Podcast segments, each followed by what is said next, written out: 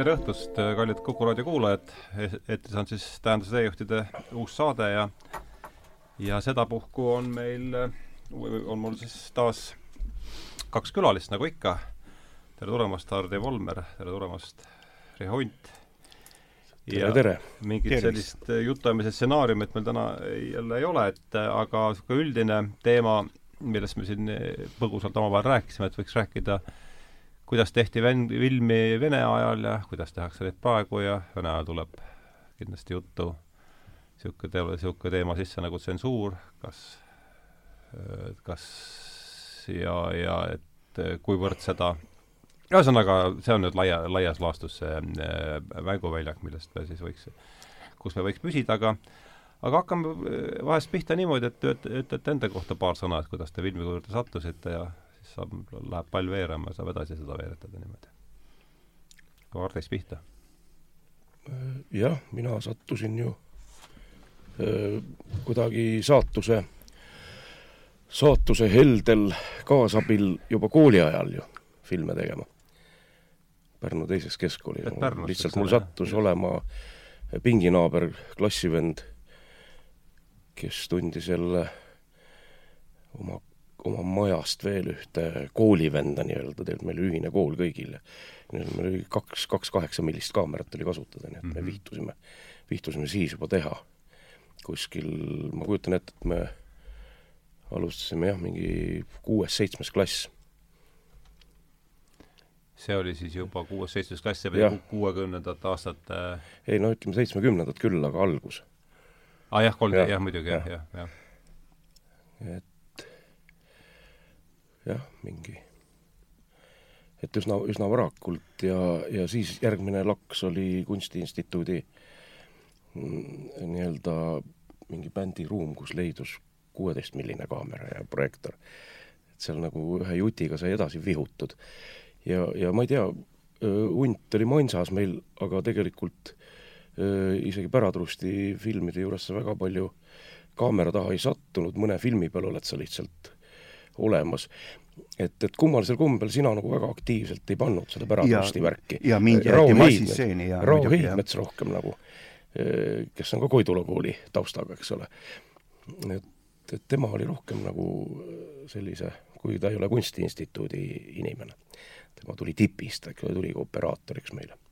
et kuidagi niimoodi ja, ja samas, et proffkinosse sattusin ma jälle tänu hundile Te saitegi Kunstiinstituudis kokku ka? nojah. jah, me õppisime kuigi, koos ju sisearhitektuuri. kuigi tegelikult me tundsime juba öö, enne tänu ajakirjale Pikker, sest me mõlemad miskipärast leidsime, et et on vaja edendada Eesti visuaalhuumorit ja, ja tegime karikatuure, kusjuures kooli lõpus.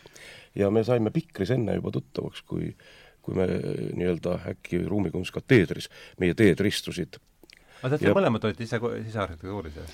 Äh, Ardi ei pidanud vastu, mina küll lõpetasin sisearhitektuuri aga, aga Riho ei alustanudki üldse sisearhitektuuris, et alustas pedakoolis hoopis. pean ma piinlikkust tundma?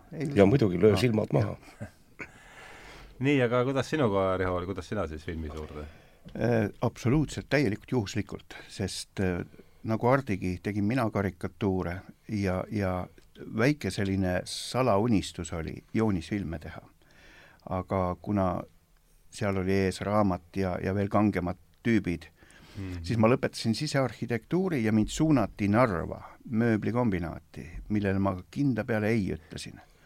ja siis äh, Instast äh, tuttav ja, ja sõber Kalju Kivi ütles, et Nukufilmis on puudu ühest animaatorist, tule vaata, et kuidas see istub sulle nukufilme ma vihkasin tollel ajal, nad olid suhteliselt primitiivsed ja nukud liikusid viletsalt. aga ma läksin sinna, vaatan, vaatasin ja, ja Kalju usaldas mulle oma esimese filmi Nuku, milleks oli nöör, nööri liigutama ja, ja siis juba tuli Silvia Kiik, kes oli tolleaegne peatoimetaja ja ütles, et kas sa tahad teha ka ise filmi ainult tingimusel sa pead kellegi kaasa võtma ja kuna te olete Volmeriga teinud koos karikatuure nii Pikrile kui ka Sirp ja Vasara viimane leht oli ka meie oma ju.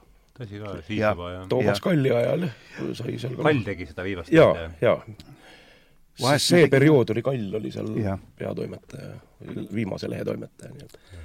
ja siis oli täielikult roheline tee, siis me hakkasimegi koos tegema. sest tehti ettepanek, millest oli võimatu loobuda. Oota, aga Nukufilmis olid sa juba siis ees või? ei. mina olin ees, jah. aa, see oli õige, see sa üks, üks aasta olin ees, jah. jah, mina, mina võin muidugi sellega veel oma saba liputada ja eputada, et et ma olin siis nagu esimene, esimene kõrgkooli lõpetaja, kes lõpetas, kes sai diplomi või kaitses oma diplomit filmiga hmm.. aga mida see teeb meie esimene film oli minu diplomitöö üks õige, nüüd tuleb meelde, jah animaator, noh, tõenäoliselt ei ole ka niisugune sõna, millega kõik kuulajad iga päev kokku puutuvad. mida, mida õigupoolest animaator teeb? no animaator ju elustab nukud. Old, mm. on siis ta mingi plasteliinitükk, mingi objekt või see nöör või nael, mida Eino Pars tegi, või klassikaline nukk, ta lihtsalt annab talle hinge ja mm. kaaderhaaval liigutab, ehk siis ühes sekundis on kakskümmend neli kaadrit ja nii palju ta neid liikumisi teeb seal. küllaltki aga tõsine töö. joonisfilmis on ka, eks ole, ütleme, et faseerija on animaator ju ennekõike see, kes nagu joonistatud kujutisi liikuma paneb läbi planšettide. aga eks see on väga keeruline üldse, rahvusvahelises leksikas kasutatakse seda nimetust väga üldistatult. jah, igast kõik, kes sa oled äh, lavastaja või animaator või, või operaator või kõik on ühed animaatorid nii-öelda aga noh, siin konkreetsel juhul me rääkisime praegu sellest, kes siin ja, ja konkreetselt no, ta tuleb ikkagi sellest. see on spetsiifiline väljend äh, animaator, vähemalt eesti keeles, kes liigutab nukku. ja see, selleks õpiti seal kohapeal siis, ega selleks ei olnud ju mingit no absoluutselt koha peal, sul pidi lihtsalt olema selline tunnetus või taju ja, ja seda ei olnud sugugi raske, kui sul on sellist soont ja, ja rahulikku meelt, siis ei ole see üldse keeruline ma kujutan jah, et see rahulik meel peab olema seal vist, see on see esimene, esimene asi, mis kannatlikkus, meeletu kannatlikkus, jah. kas osad meie nukujuhtidest vist käisid Moskvas kõrgematel kursustel või nendel animaatori kursustel äh,? alles pärast. pärast pärast jah, kui nad juba olid. enamik olid, õppisid vanade meistrite käpa all. aga Moskvas oli võimalik, sest Moskva äh, nii-öelda Sajuz multfilm teadupärast tegutses kahekümnendatest alates juba mm -hmm. jätkuvalt kogu aeg, nii et, et seal oli see kogemus palju suurem, seal sai nagu õppida, aga väga palju seda ei kasutatud muidugi. aga need, kes tahtsid saada nagu, hakata lavastama nii-öelda oma filmi, siis, siis oli see põhimõtteliselt nagu äh, absoluutne nõue.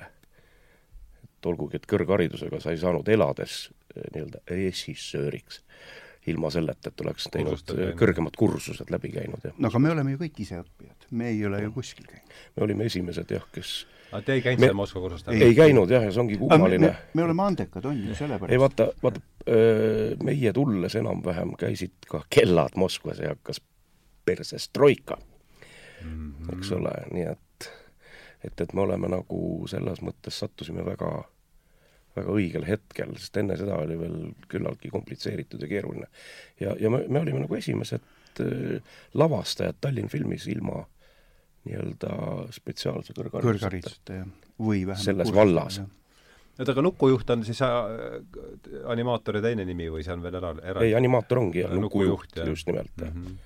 aga noh, kuivõrd ka joonisfilmis on animaatorid, eks ole, üldse ükskõik millist ja, animafilmi või nii-öelda tehnikat silmas pidada, siis, siis ta on ikka niisugune üldistav. no palju neid seal siis ütleme sellise, no võtame sedasama, mis mul on hästi jäänud meelde sammul internetis ja palju seal neid nukujuhte, palju se-, seda tüüpi filmis, palju mm. seal neid nukujuhte siis seal ei olnud sugugi palju, sest me küll töötasime kahes või kolmes dekoratsioonis eraldi ja minu mäletamist mööda oligi kolm animaatorit kokku sest äh, tollel ajal tehti animatsiooni tunduvalt lihtsamalt, et äh, filmiti kas iga kahe, iga kolme kaardi tagant ja jäeti hästi palju pause, tähendab, liikumine anti edasi mm, selliste poosidena, et kui on mingi istuv poos, on ta istub või mingit muud emotsiooni näitab, nii et aga tänapäeval tulemus oli nurgeline. jah, nurgeline. ta ei olnud sujuv tänapäeval on kõik kaaderhaaval, et see tehnika ja, ja see on välja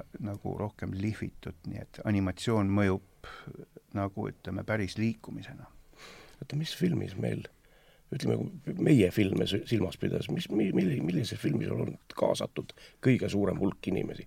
sõda või? ei, Kapsapea ilmselt, eks ole. kaps, Kapsapea, aga, aga seal oli ainult kaks-kolm animaatorit. meil polnudki rohkem animaatoreid. tegelikult ei olnud jah, sõda, mõtle ise, kui me filmisime noh, Sahkai ka, Mänd, Sahkai, kes veel? Kui me lahmusel näiteks. jah, ikkagi kolm, kolm on jah, ega üle kolme naljalt ei ole olnud.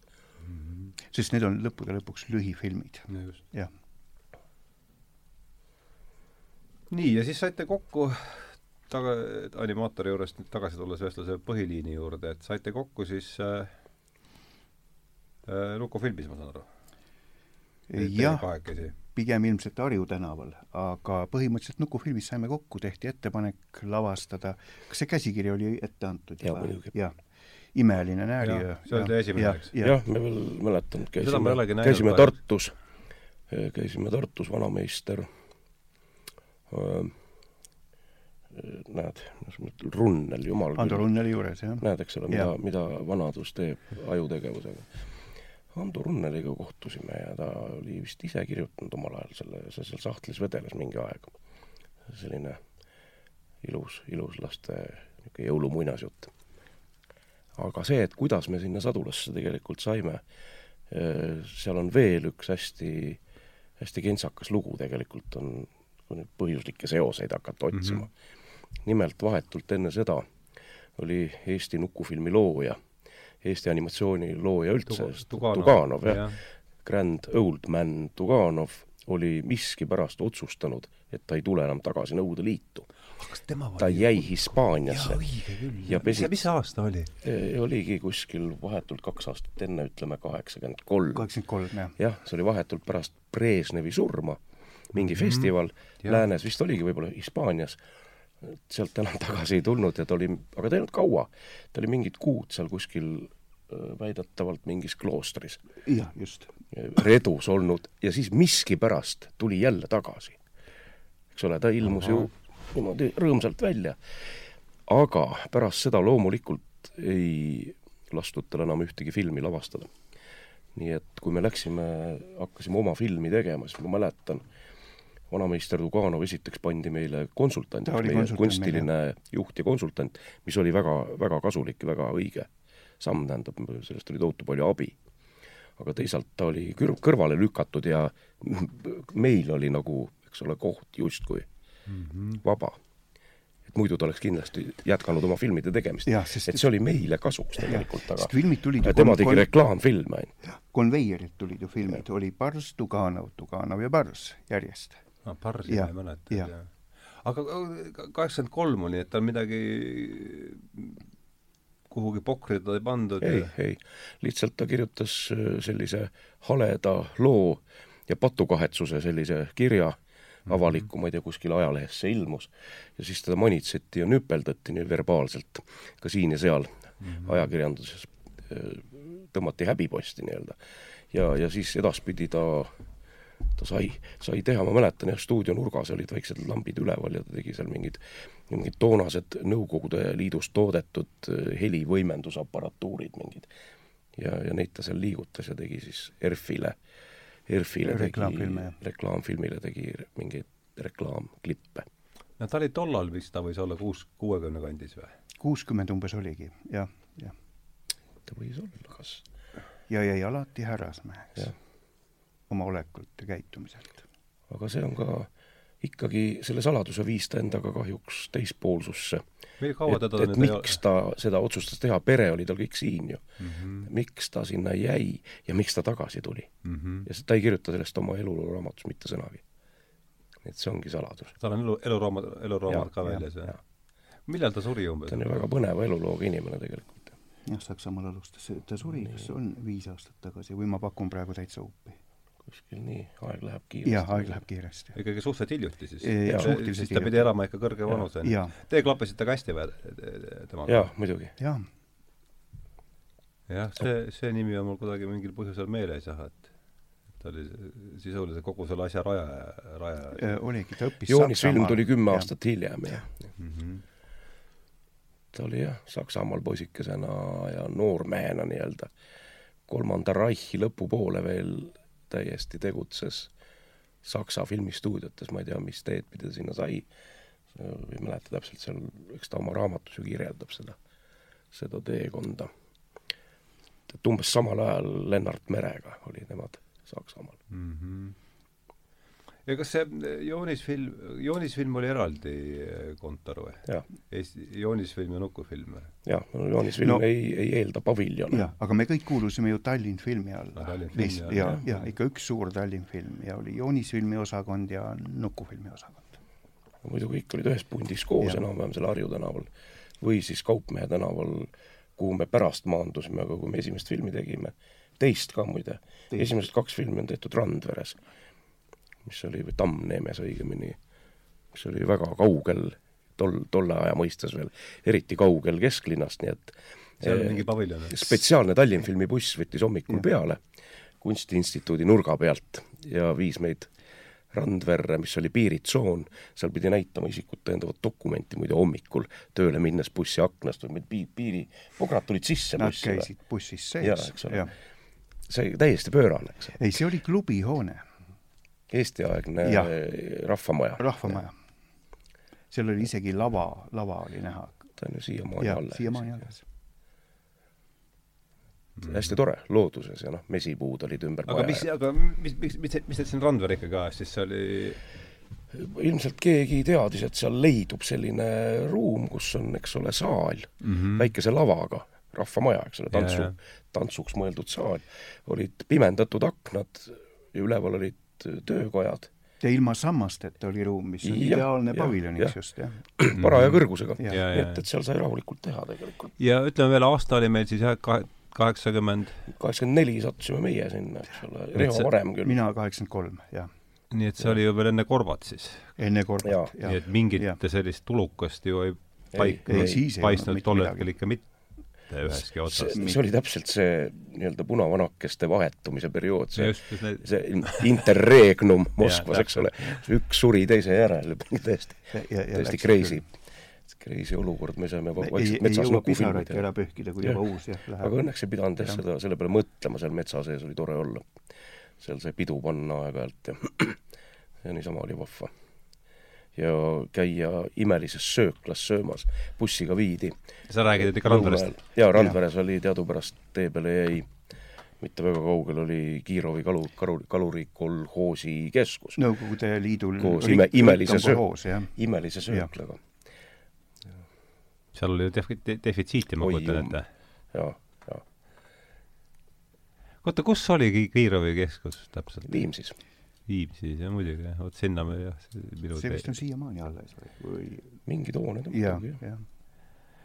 nii, aga siis äh, ikkagi see kuidagi äh, paelub mind see noh, minu jah, minu mälu sinna ikka väga, okei okay,, ma olin siis keskkoolis ja taju oli teine, aga et see kaheksakümne kolmanda, kaheksakümne, just see korbaeelne vaimne atmosfäär, oskate selle kohta oma töö läbi, see oleks nagu huvitav asi, millest tahaks nii palju kui sellest see, milline jah, süsteem valitses või, või palju sa mõtlesid üldse poliitika peale või no läbi sest... töö pidi see kuidagi ja sellest äh, üritasime eemal olla ja, ja eks ole, äh, juhtus see korduvalt muide, et et aga miskipärast mina ei mäleta, Randveres ei olnud jutuks ja seal oli täielik vaikus. aga niipea, kui me tulime ära, see oli siis kaheksakümmend viis. sa mõtled Kaupmehe tänavale? Kaupmehe tänavale, eks ole, kus oli ka äh, osa Tallinnfilmi mängufilmi operaatori tehnikat veel alles ja vana mängufilmi paviljon, eks ole mm, -hmm. sai meie paviljoniks. ja seal liikus juba igasugu rahvast ringi, siis olid grimeerimistoad ja ettevalmistustoad nii-öelda, lisaks nukufilmile veel ja, ja seal kalidori peal küll tuli see väike kähmakas mehike, tuli korduvalt küsima, et mäletad küll, et, et miks te parteis ei ole. ja mina ja, eriti, mina olin ju komsomol ka veel, et, et sa ei olnud? ma olin, hunt ei olnud. olin, ma tunnistan üles, ma olin aastaks komsomol, et Ida-Saksamaale praktikale sõita. jaa, no sama siin. aga, aga siis, kuna veel noh, võttis nii-öelda nööbist kinni ja manitses, et te tahate ikka edaspidi ka filme teha ja lavastada ja kõik olete tublid ja noored ja andekad, et kuidas ai-ai-ai, ilma parteilise katuseta on väga keeruline. elu läheb teil keeruliseks, noormehed. tulge parteisse ärge kartke ta oli siis partor, kui ta oli veel jah, muidugi, Tallinn, Tallinna filmipartor, jah muidugi. no see oli, see oli ainult, äh, jah, mäletan küll, see oli ainult üks pool, aga tegelikult kui sa nüüd äh, oled süvenenud ja mingit filmi teed ja lood, siis sa ei pannud seda kõike jama eriti tähele no.. selle, selle koha, sa ei saanud kogu aeg olla pinges, et no, sul on jama. tekib ju tegelikult selline nii-öelda noh, alateadlik äh, vastu, vastu selline refleks või tekib küll, jah. aga kes, kes sai Nõukogude Liidu komsomoli preemia? meie saime. ordeni ka. Moskvas anti kätte. aga ja, ja mis see teine oli? Ma ei teagi, vist me olime saanud mingeid auhindu ja need kolm esimest filmi läksid väga hästi. filmi, filmisõja sest Korba ajal läksid natukene, läks uks irvakile ja siis sai ise juba, kaasa sõita. see on nüüd juba Korba aeg. jaa, see on Korba aeg. Korba aeg jah, sest et esimene film valmis ja peaaegu oli, hakkas Korba aeg tulema. teine oli juba puhtalt Korba aeg ja perestroika ja, ja ilmselt siis, et need, et, et oli väljamaal ka hästi vastu võetud ja ja, ja ja see oli ka viimane krooksatus tegelikult, nii et see oli viimane, jah. ja kusjuures veel eriti nutune on see, et, et takkajärgi mõeldes oleks võinud ohvriks tuua, me olime minemas Prantsusmaale vist Annecy festivalile Alpidesse. ja sellest oli võimatu ära öelda, noh, tol ajal. et see oli nii suur asi. mis aastast me räägime praegu umbes? kaheksakümmend seitse. kaheksakümmend seitse, kindla peale. kaheksakümmend seitse. kui taheti meile Kremlis Georgi saalis panna rinda medal ja anda, anda preemia, komsomoli preemia. me saatsime puu taha, läksime Prantsusmaale, nii ülbed. ja praegu hakkad haledal meelel mõtlema, noh. Georgi saal on ju see me ei, me ei näe iial seda saali, ei, ei ole siiani näinud. me saime pärast alles kätte need, jah. noh, Annes, siis sa võid iga suvi minna eks ole, nii et, et väärtushinnangud olid teistpidi täiesti. mõtlesime, mis, mis Georgis niimoodi. väga huvitav. siis pärast tulime kuskilt välismaalt, tulimegi sama, tulimegi sama Prantsuse reisu pealt. kõik käis läbi Moskva ju, kõik, kõik, kõik sõitmised reisid. läbi Koskino. Koskinos anti välispass ja siis järgmine hommik lennuki peale. Te läksite läbi Šeremetjevo? ikka, ikka, absoluutselt. ja, ja tulime tagasi ja siis läksime, kutsuti, tähendab siis komsomoli ÜLKNÜ Keskkomitee peasekretär isiklikult oma kabinetis võttis meid vastu, mäletan, pakkus meile Marlboro suitsu, eks ole, tegime akna peal Marlboro suitsu, rääkisime perestroikast siis andis meile meie diplomid ja medalid kätte. see oli siis pärast seda Prantsusmaalt tulekut? jaa, pärast, jah. ja aasta kaheksakümmend seitse? ja siis poolt, no siis hakkas, siis kääris ikka siin ka juba midagi, siis ja muidugi. siis selle, selle aja peal oli ikka tunda, kas te üldse Korva tulekut mäletate või? ei mäleta. mina ei mäleta, tõsiselt ei mäleta. et, et tegelikult jah, see seondub see, see selline taju on vaata, et pigem, pigem nagu füüsiline taju. et ühel hetkel, kui hakati kahandama nagu alkoholi yeah. saadavust, eks ole. mis filmi ajal see oli, kuule, sa mäletad? ei, see oligi ka sõjafilmi ajal, ma arvan. vaata, siis oli juba õlut raske saada, me olime suvel üle kuu aja väga kihvt oli. imeline suvi, olime Suure-Jaani lähedal Lahmuse Lahmuse vesiveskis ja filmisime see oli tore, aga tegelikult seal tegite, seal tegite seda? ja enamus enamik filme on seal filmitud, originaalveskis. aa, originaalveskis. see keskkond on ju kõik originaal, seal on, tegevus toimus veskis. seal on sajandi tolm on mm -hmm. riistade peal. ja õlut saime poest vist korra nädalas või? sai, aga see oli, kõik oli keeruline ja raskendatud ja see oli problemaatiline. ja see, see, see on, muidu see oli imeline kõik, aga see paine on meeles, et et õlut oli siiamaani raske saada, jabur. ja selle, noh, see seondub, eks ole, korba ajaga see oli karksi õlu. jah, halb, noh, ta ei olnudki, tol ajal ei olnudki nii halb midagi. sa sai, oleks aga saanud, eks ole, aga ei saanud nii palju, kui oleks vaja olnud. ja kui suur sats teil oli seal? kes me seal statsionaarselt Kus, olime? viis-kuus inimest. jõumeesoperaator, valgustaja, produ-, jah, nuutoperaator, peaoperaator. kaks animaatorit, seitse-kaheksa. jah, üks oli valgustaja. meil on isegi mingi foto tehtud, kus me seal kooli ühiselamus elasime. ja Tallinn filmi mingi... buss käis palgapäeval palka toomas? seitse-kaheksa inimest. siis joonis, joonisfilmi tüdrukud käisid meil sularahas rublad kätte mis see, palju te saite ka, mis see, palju te oli... palju te rublades käe peale ei, see oli toona vist, oli üleüldse sellised äh, äh, haritud nii-öelda teenistujad ja kultuuriproletaarlased said ikka mingi sada kuni sada kakskümmend. sada nelikümmend, meil oli kõrgem kategooria. võib-olla jah. pärast igat filmi pandi Moskvas kategooria, mis ja. kategooria film on. ja siis, kui sul see tõusis, siis sa said palka ka natuke. no seda küll, jah. sada nelikümmend rubla oli, ma mäletan. see oli korralik palk. see oli väga korralik, jah. tulle hind on meeles? kopikates. absoluutselt mitte. kopikates. ei ole jah, mul ei tule ka üldse. seda on võimalik kuskilt tegelikult kontrollida, vaadata, aga ei, hoidku nüüd. polnud mingit põhjust selliseid asju, isegi kui oleks vaadanud, mul ei ole, puudub, puudub arvumälu ma ei suudaks meenutada. see võib olla, mina mäletan, oota ma umbes samal ajal, mina läksin, lõpetasin keskkooli kaheksakümmend neli ja Rakvere bussijaamas olid sildid, et bussijuht sai kolmsada kümme rubla, võis see olla umbes? Need palgad tõusid. ja see oli ja väga erinevad, inflatsioon, inflatsioon juba käis, eks? siis juba käis see, need palgad pärast tõusid ju tuhande rubla peale, paari tuhande ja nii edasi, ennem lõppu. siis hakkas kiiresti minema. no siis läks päris kiiresti, aga kaheksakümmend neli, kaheksakümmend viis oli ta ikkagi veel jah ja, hakkas vaikselt liikuma. see nii-öelda volatiivsus.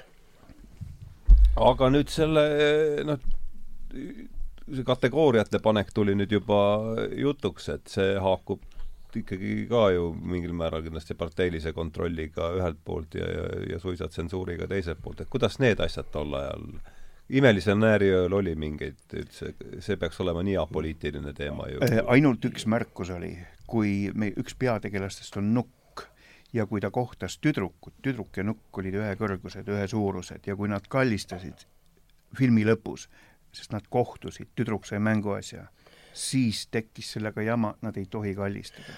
no see jäi sisse. jõuluöö ime, eks ole, nukk elustub ja muutub päris inimeseks. ja, ja see mänguhani, kellel on võti seljas, muutub päris üks haneks. üks tiib katki no,. Neile antakse, eks ole, üldse see on noh, nii-öelda väga piibellik lähenemine üldse asjadele ja, ja ta on nii üheselt nagu jõuluteema. aga, aga see ei olnud ah, pealkiri oli Imeline nääriöö. jaa, muidugi. imeline nääriöö. no näär on lõpuks nüüäär, eks ole, uus yeah. aasta, nii et hullu midagi. aga Novogodnõje skaska oli vist yeah. vene keeles. aga jah, et see on huvitav, nad äh, pidasid seda lesbistseeniks või ma ei tea, see oli, see oli nii pöörane, see oli nii pöörane, et kuku külili, sest tegelikult äh, tsensuuri silmas pidades oli oli kahte või tähendab kolm tsensuuri erinevat. vaata, tänu sellele Norra seminarile ma nagu mõtlesin ja, enda jaoks, mõtlesin enda jaoks läbi need väga põhjalikult, need asjad et nagu kolm eraldi kategooriat, tähendab, esimene tasand oli autotsensuur. see on see, et sa ise juba teadsid, tegelikult sa tajusid väga selgelt. teise filmiga oli täiesti selge, kuhu maani võib üldse minna teatud asjadega. ja, ja siis tuli välja, et kõik vaikselt kirjutavad neid nii-öelda konkse sisse endale stsenaariumisse juba, mida saaks tsensor, tema ju peab teenima palka, eks ole, et see tsensor, et jaa, saaks üles leida. jaa, et need olid meelega sisse pandud asjad, mis mitte mingil juhul läbi ei lähe. Niikuinii, tähendab, jäävad nad silma, nad on kahtlased, eks ole, ilmselt tuleb välja võtta, et, et jääks sisse need asjad, mis sinna peidetult olid ridade vahele topitud nii-öelda. et see oli nagu levinud äh, mäng tegelikult mm. -hmm. võimalik, et tsensorid teadsidki seda mängu, sest nad pidid ju aru saama, see olid nutikad inimesed tegelikult. ja teine oli toimetaja. teine oli toimetaja, toimetaja. ja Eesti Kinokomitee äh, see Kuigi Eesti Kinokomitee on nüüd kolmas juba? jaa ja., teine tähendab Moskva Kinokomitee on kolmas, ütleme, kui väga okay. suurelt panna, sest neid väikeametnikke oli veel mitmeid seal igas üksuses, eks ole. aga põhimõtteliselt nagu jah, ise Eesti ja siis Moskva aga, aga Eestis olid nii agarad ja nad kartsid nii meeletult, et väga sagedasti juba perestroika ajal, noh, Pärna case on kõige ja, parem case, juhtus see, et Eestis nullitakse sul täiesti jõust nagu kõik maha ja ära ja üldse ei lastagi Moskvasse. et kui film lõpuks jõuab Moskvasse, selgub, et noh, nii head filmi oleme oodanud ainult. kuni sinnamaani ja, välja. et, et noh, kuna Nõukogude Liit, eks ole, sõjaväelaager toimiski hirmu najal suuresti eks ole, kõik ju kartsid kõike, mhm. et siis sellega ohjeldati ja noh, inimesed teadsid, sa ei pidanud näpuga näitama või KGB, KGB ei pidanud tulema sul kuskile ukse peale koputama või, või Keskkomitee kultuuriosakond ei pidanud kõnet tegema, kurat, edasi kuskile. ja see oli veel kaheks-, ja see oli veel kaheksakümnendatel aastatel, me ei räägi siin viiekümnendatest, eks? oi jumal. jumal, ma mäletan, kui me lõpetasime sõjafilmi lahmusel, meil oli veel üks animaator ja tema oli siis Tõnu Trubetski. see mm. muidugi ei viitsinud tööd teha, ta luuletas lihtsalt võsas või tiigi ääres. aga pärast seda, kui me tal tulime... oli vaja tööl olla, sest Nõukogude Liidus kõik pidid tööd ja. tegema, kõik pidid kuskil olema hingekirjas. jah, sest ega... hulkurluse paragrahv. absoluutselt jah, et seda vältida, keegi hea inimene võttis ta meile tööle ega tast animaatorit ei tulnud ja animaatorina asja tast ei olnud, aga ta oli huvitav isiksus vaieldamatult. ja siis me tulime Kaupmehe tänavale ja filmisime edasi ja siis käis küll KGB, ma ei tea, kui palju kordi teda otsimas ja taga ajamas ühe korra me vist isegi peitsime ta Jah. pal- paviljoni taha ära või ma ei mäleta täpselt. Täitsa siis- kadedaks tegi, et ei tea, mis jamaga ta oli hakkama saanud. ei no eks punk, punk, punk, pungi punk pärast. Jah,, punk äh, ju kiusati ja, ja uuriti ja iga liigutust jälgiti ja see oli kuidagi neil eriliselt äh, nii-öelda äh, tähelepanu all olgugi, et nad pidid ju teadma, et nii nagu läänes, nii ka meil oli punklus suuresti toetus ju proletaarsele noorsoole, eks ole mm. -hmm. et, et ütleme, kõrgharitute hulgas oli ikka punke vähe, vähe. Nad olid ikka tööstuskooli poisid ja noh, niisugune sedalaadi seltskond. et selle taustaga. ja kuida-, kuidas, kuidas, kes, kes te tegite stsenaariumi, stsenaariume ise? Pärast esimest filmi hakkasime Jah. tõesti ise kirjutama stsenaariumi, sest äh, esimest kahtlemata ei lubatud meil teha. nojah, siis oli aga jah, Nõiutud saare kirjutasime ise. mida me ise ei teinud, oli vist Kevadine kärbes, selle kirjutas Toomas Kall, mäletad?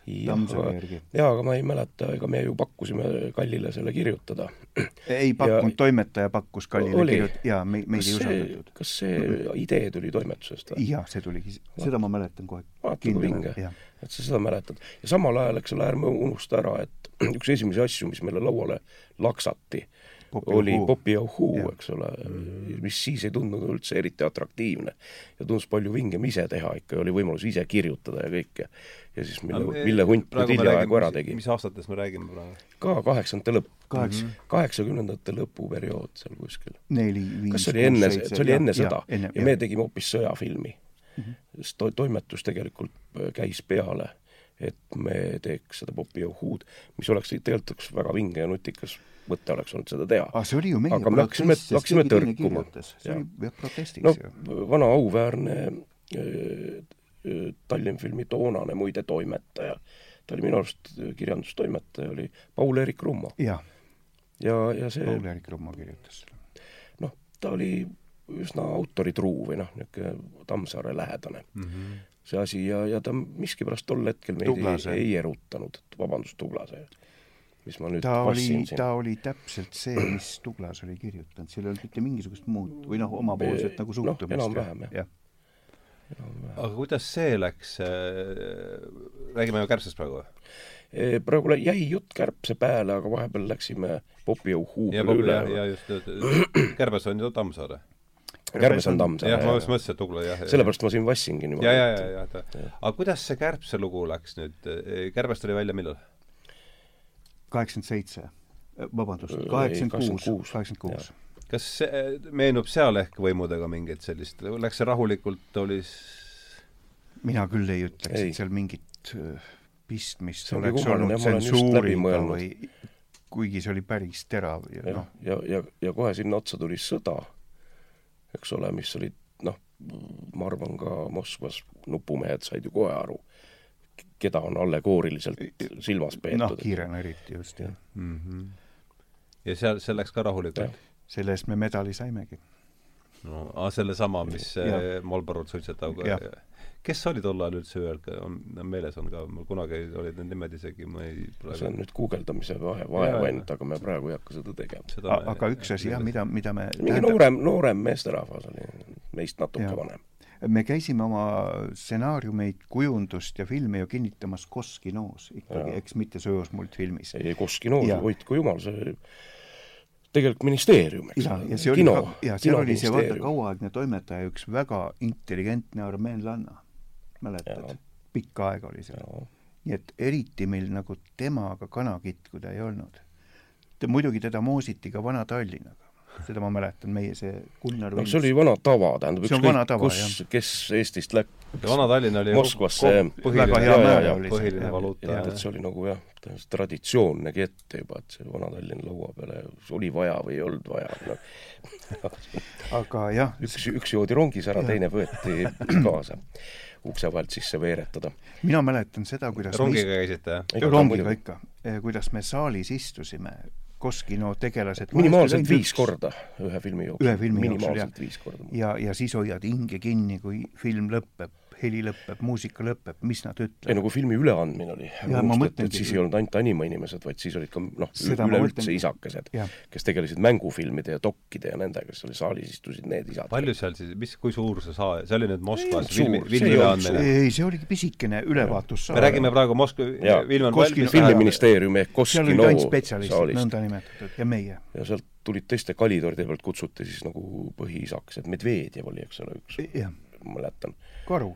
Jah, ja üldjuhul meie ajal oli, ma võin täiesti kinnitada raudpolt, et need olid suhteliselt nutikad inimesed, kes olid vastava kõrgkooli ja kõrghariduse saanud filmidramaturgias ja filmi ajaloos ja mis vaid, kes suutsid täiesti vabalt kunstilistel teemadel argumenteeritult nii et seal ei ole kõik see poliitiline teema, vaid ma ikka kujutan ette, et kunstiline kuskil, kuskil, eks ole, vahetult sõja järel istus seal mingisuguseid punaarmeelasi, kes Mhm. olid öödega mütsi mingist noh, mingi see nii-öelda visuaalse kultuuri ülesehitusest või, või story tellingust, eks. aga, aga sel hetkel olid juba jah, täiesti arukad ja ja, ja nutikad inimesed ja kusjuures pärast on ka välja tulnud, et näiteks samaaegselt äh, kirjandus, no kirjandus ongi hästi rahvuspõhine, eks ole mm. -hmm. et just äh, vene, vene äh, see nii-öelda Tom Pissatsil ja, ja, noh, kus käisid koos kirjanikud ja, ja, ja kirjandus nii-öelda kolleegiumid ja asjad ja need olid raskelt šovinistlikud. Need olid tõelised äh, parteiinimesed ja noh, suur osa neid noh, neid nii-öelda kõrgema kategooria tippjuhte nii-öelda, need olid rasked parteilased, veendunud äh, parteilased ja kusjuures vene šovinistid muidugi. et võr-, on võrreldud, tähendab, et selles mõttes kinovald oli, oli Nõukogude Liidus väga edumeelne tol ajal mm. -hmm. mis sa arvad, selle põhjus võiks? no see oligi see, et see oli ikkagi rahvusvaheline mm. -hmm. ta oligi noh, hästi noh, filmikunst, jumal paraku ongi ikkagi hästi rahvusvaheline kunst ja kuidagi alg-, alg-, algusest peale on on käidud festivalidel ja blablabla bla, bla, olgugi, et kõik raha ja, ja auhinnad läksid Koskino riiulitesse ja kapi peale ja nii edasi, aga aga ühel hetkel jah, sai ka, said ka tegijad ise sealt osa. meenub, kas, kas see meenub nendest siis lõpus nendest ühisvaatamistest midagi sellist, mis vääriks ei no seal on naljakad momendid minule meenuvad need, kui lähed, istud seal oma aja ära, eks ole, mingi tund aega, et õhtul pead rongiga tagasi minema ja et kas tuleb see äh, seltsimees no ma ei tea, Siidorova siis tuleb mingi sekretärss, aga teatab, oi, Siidorov, meil praegu lõunaaeg hakkas just, ta läks just kummi või tsummi, sinna oli tulnud mingisuguseid Jugoslaavia vihmavarjusid. ma mäletan just vihmavarjusid ostma. Ma mäletan, me saime ise ka korki pealt, noh, eks ole, Tverska ja Uulitsa, see on kõige uhkem tänav, seal olid talve ajal olid väiksed lavkad, kus müüdi teachers viskit ja džinni, piifvatat džinni ja eks ole, ostsime kaasa, meil ei olnud niisugust asja saada. ja Chesterfieldi sigaret. jaa, oi-oi, selles mõttes Moskvas oli tore käia. sai, sai Uulitsa pealt Defkat osta. Uulitsa pealt lausa? Uulitsa pealt jah, külmaga. täitsa mõistad kohe punn maha aga seal Moskva vahel vurtsimist oli teil siis ka kõvasti? oi jummel. ei, ei ole, üritasin kokku lugeda, ei ole mõtet, noh, ei, seda ei loegi enam kokku nüüd mul on, varsti seisab ees kuu lõpus uus rõõmus kohtumine Moskvaga, et saan pool päeva. millal sa käisid Venes viimati? Venes käisin üsna hiljaaegu, ma olen ikka käinud filmipäevadel ja siin ja seal ja viimati käisin oma, oma filmiga seotud Petseris eelmine suvi. aga see ei ole, see ei loe. Jah. aga Moskva, Moskvas viimati? aga Moskvas ma viimati käisin, ütleme, käisimegi Urmasega koos ja see oli, nüüd on vist mingi kuus-seitse aastat tagasi. mul on Päris rohkem, palju. mul on paarkümmend aastat. isegi nii, ei ole käinud. aga muide, ärme, ärme mm. jäta nüüd veel uhkeldamist ja praalimist, eks ole. kui palju on Eestis veel filmitegijaid ja seda enam elus olevaid filmitegijaid, kellel on olnud oma isiklik autoriõhtu Moskva kinomajas? meil oli, jah. millal see oli? umbes samal ajal kõik kuskil kaheksakümmend kaheksa. kaheksakümmend kaheksa, jah. aga siis te läksite ikka suure rahinaga niimoodi. me, me, me, see asi pihta, eks? Läksime küll, jah. millegipärast õnnestus. ja seal mitu asja jooksid kokku. ja ma just tahtsin küsida, et mis seal, seal peab olema mingid juhuste kokkusattumused. see, et läks kõik, läks õhk, õhk läks nagu hing, hingatavamaks seal natuke. Ja, ja oli endal nagu vurtsu sees ja tundus, et nüüd saab igasuguseid asju teha ja ja siis, kui teed hea asja, sa said ise kaasa sõita välismaale. meid saadeti tabel oli seina peal, tabel oli seina peal, see film. siis me muidugi, kuna me ta- kahekesi, siis me pidime loosi viskama.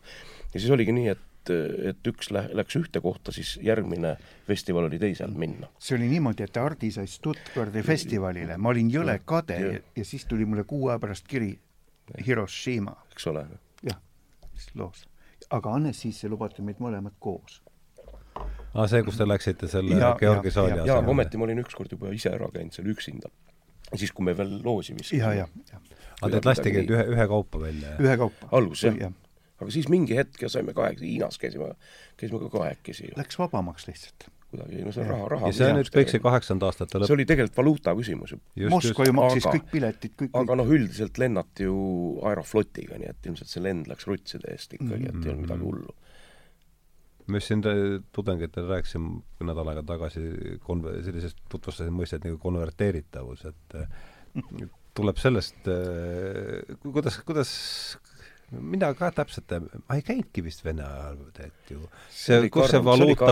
Hiinas oli ka kaks raha, oli öö, Ja, ja. turistiraha ja oli Aga- hiinlase raha. jaa, aga siis kuna meie, meie man-, pundis oli, meie pundis oli, eks ole, see Šveitsi, Šveitsi kuulus joonisfilmi või maalitud filmitegija õigemini, Švitske peal, kelle mm. abikaasa oli hiinlanna, siis tema hotellitoas oli niisugune väikene rahavahetuspunkt, kus sai nii-öelda oma valuuta, jüäänid, läksid ühte sahtlisse ja teisest sahtlist löödi sulle töölisjüääne ehk Mille seda sai rohkem osta. rahvaraha, sest osta sai selle eest ju meeletult rohkem mm.. et hind, hind oli ju, tähendab, et see vahekord oli mis aastast sa räägid praegu?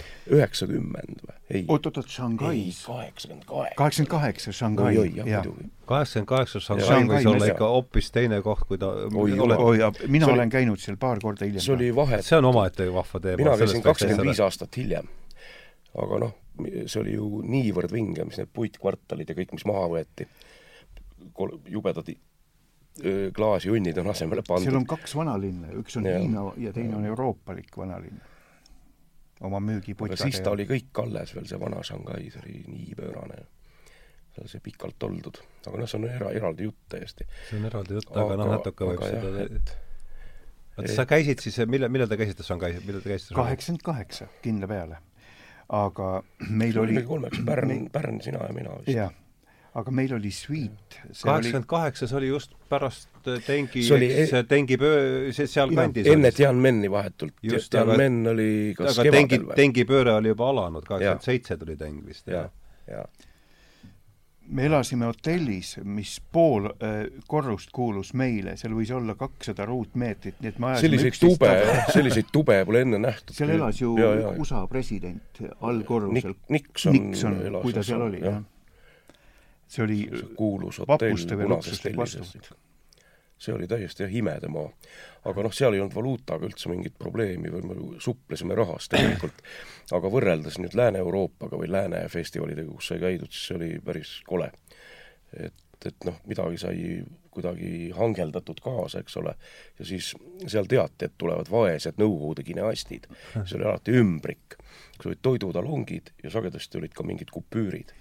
Nii et mingit raha sai mõnes kohas vähem või mõnes rohkem aga, aga muidu oleks see päris kole olnud iseenesest ja noh, Aga mingid rahad olid- kopikaid tuli lugeda.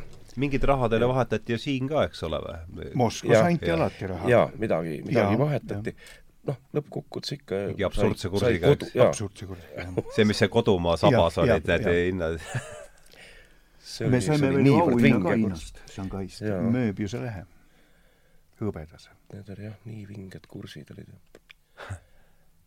ma mäletan seda kodumaa tabelit ja kuskil pärast see, oli see kodumaa ju, eks ole. seal oli vist nii, et ühe rutsi eest oli kolm dollarit või kümme dollarit või see täiesti pöörane. aga need, aga kui te läksite, siis nende hindade, nende Jaa. hindadega ju vahetati ja. muidugi, ja, ja aga see oli ka umbes nii, et said mingi seitse rutsi vahetada üldse. umbes nii oli, nad teadsid ju. aga lõppkokkuvõttes, mina ei tea, lõpuks ju ikka sai toodud nipet-näpet ju kodustele ja noh tol ajal siin polnud midagi saada. et, et see oli niisugune mäng, et kust kui palju ja aga kui angeldamisest rääkida, sõna käis läbi, et mis seal siis tol ajal oli, mille eest sai? millega, millega me Euroopas, kummiloomad ei olid Jugoslaavias, mäletad? ei ole angeldanud, mul ei olnud neidki. kummiloomad olid ei, no, küll. ei no minul ei olnud kummiloomad siis meie need pol-, meie need pol-, aa need ma mäletan. Need karvased loomad. Neid jäeti hotellituppa voodi peale. pandi hinnalipik juurde. hinnalipik juurde, koristaja oli ära ostnud, siis olid mingid keegi müü-, üritas triikraudu ja, ja seda seniitfotoaparaati ka müüa. ei, ei, lõpuks sai müüdud, aga see oli nii mõttetu raha. triikraudu vedamine. niivõrd odavalt me käisime rongiga seal koos Zagrebis ja, ja minu vanatädi, kes on ammu surnud Rootsist, tema andis mulle viiekümne kroonise, Rootsi kroonise. ja kuna meid niikuinii ju läbi otsitakse ja siis sa eelnevalt juba kardad. neelasid alla? ei, ma keerasin ta viltpliiatsi sisse, võtsin söe välja ja kui ma tegin Zagrebis selle lahti, oli ta värvunud siniseks, kogu raha. tint oli sisse jäänud jäidki ilma sellest? no, no keegi ei vahetanud enam seda. Rootsi kunn on sinist huvitav, mina ei mäletagi seda, see, see on ju nii sadistlikult naljakas muidugi. aga isegi Zagrebi piiri peal kontrolliti läbi teid siis? sa, sul on hirm sees. ei, tegelikult ei kontrollitud. sa ei saa rahakotti, ei saa jätta. tegelikult ei kontrollitud nii väga midagi, aga sa ei teadnud. No, keegi ei teadnud, jah. jah. ja see käis see oli ka... ju pool lääs juba, noh. Jugo. jaa, Jugo, jah. aga te käisite rongiga Jugos või? Jah. ja siis oli mingi Nõukogude kineastide, kineastide... ring, ringsõit, nii et me sõitsime äh, kaks äh, nii-öelda vabariiki välja arvata kogu Jugoslaavia kogu... läbi veel. On... ranniku ka ju. nojah, just. Sloveenia ja. jäi välja miskipärast ja Makedoonia.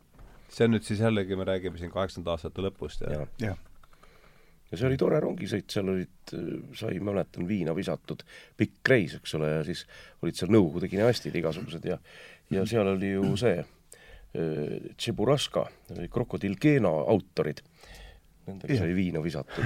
mis see, mis nende nimed olid? näed, kui mäletaks, noh, see on jälle guugeldamise küsimus, noh, ei noh, nii harva on vaja aga nad, nemad olid ikkagi juba sihuke vanema, teist ikkagi ja, ja, muidugi, vanema põlvkonna tegelased, eks? ja siis oligi noh, täiesti toredad inimesed ja väga andekad inimesed, sest et oli teada, et üldiselt sellised kahtlase, kahtlane element vene kirjanduses, nii-öelda selline vastaline ja vähegi natukene mitte õieti mõtlev ja niisugune, kes olid vahele jäänud mingite sammistati värgiga. et need üldiselt pagendati animatsiooni. jaa, et mõned päris kõvad vinged kirjanikud töötasid just nimelt, noh, tööl sa pidid käima, siis nad võeti nii-öelda, sai uus multfilmi hõlma alla, nad kirjutasid stsenaariume. ja muide, minu arust seesama kuulus kirjutaja, kirjanik, kes on selle Tšeburaska ja Krokodill Geena autor, on üks neist just nimelt, kes oli dissidentliku kirjandusliku jah, see on ju niisugune ikoon, ikka niisugune tegevuse eest. Nii-öelda oli põlu all ja sai kirjutada ainult animafilmidele. minu, minu unelmate reis oli Hiroshimas ja sõitsin Moskvasse ja me sõitsime edasi äh, Tokyosse, kõigepealt Tokyosse kolmekesi Sojuz multfilmi direktor ja KGB ohvitser, kohe ise tutvustas kolmekesi, kolmekesi, jaa. ohvitser oli tegelikult üks laadna tüüp oli, tema andis meile valuutat mõlemile või tähendab seda päevaraha, kuluraha, ja mäletan täpselt, kui mm, üks õhtu läks juba pimedaks, ma ütlesin teistele, et mina lähen nüüd Hiroshima ööelu vaatama, tulete kaasa või ei? tükk aega mõtlesid, pöörasid selja, läksid hotelli mingit probleemi ei olnud no, seal. jah, sest äh, tegelikult käsk oli, vähemalt KGB-snikul, oli igal juhul käsk sind öö, äh, nii-öelda kaasas käia ööklubides. aga ta oli hästi sümpaatne ja selline ja lasi, lasigi rahulikult minna. lasi rahulikult minna. see oligi täpselt samal ajal, sest et mina olin eelnevalt just käinud Prantsusmaal ja sul oli siis... ka kaasas siis? jaa, muidugi. kogu aeg oli jaa, kõik oli teada, see oli, meid oli ka mingi, eks ole, seal oli Bardin ja Edik Nazarov no, Vene ja, ja üks naisterahvas ja delegatsioon oli jah, kuskil ligi kümme inimest, kellest pooled olid anima inimesed, ülejäänud ei tea, kes, mingid ametnikud. ja, ja siis oli teada, kõik ju öeldi, et see noor härra, see niisugune pisike poiss, et tema on KGB eks ole, ja et kui tema juuresolekul võib-olla siis noh, tasub natuke vaadata, mida rääkida, mida mitte. ja siis ta ka, ma mäletan, seal kuskil sai nagu veini joodud ja siis ta muutus härdameelseks, KGB-t, ja hakkas nuuksuma, et näed, et tema on jah, prantsuskeelsete riikide äh, saatja nii-öelda Nõukogude kultuuritegelasi saadab Belgias ja Prantsusmaal ja noh, kus vaja, heal juhul satub kuskile Alžeeriasse või või, või noh, ma ei tea, vaevalt nüüd Ladina-Ameerika, Prantsuse nendesse asumaadesse, aga mida, mida praegu üks vist on alles siiski, eks ole ja, ja oli väga haledameelne ja, ja, ja siis mõtlesin, miks, miks sa nii kurb oled. nojah, te olete noored andekad, teil seisab ees, te lähete kas või Ameerika Ühendriikidesse. aga siis... mina pean jääma mööda, mööda prantsuskeelset maailma käima, ma mujale ei pääse. ta oli minust vanem nõksa, aga suhteliselt noor inimene. et hakkas hale mul julgeoleku inimesest. kogu aeg oli ikkagi, keegi oli kaasas, kes oli, ja, ja oma pead ei tohtinud jääda ta ei käinud järel, ta, polekski saanud käia nii suur grupp on. jaa, nii suur grupp. et eks ta lonkis, kui koos käidi, siis ta oli koos ja muidu ma ei mäleta küll, et ta oleks mind jälitanud kuskil. aga Hiroshima oli sul ka kaheksakümnenda aastate lõpp siis kuskil? kaheksakümmend kaheksa oli see, jaa, jaa.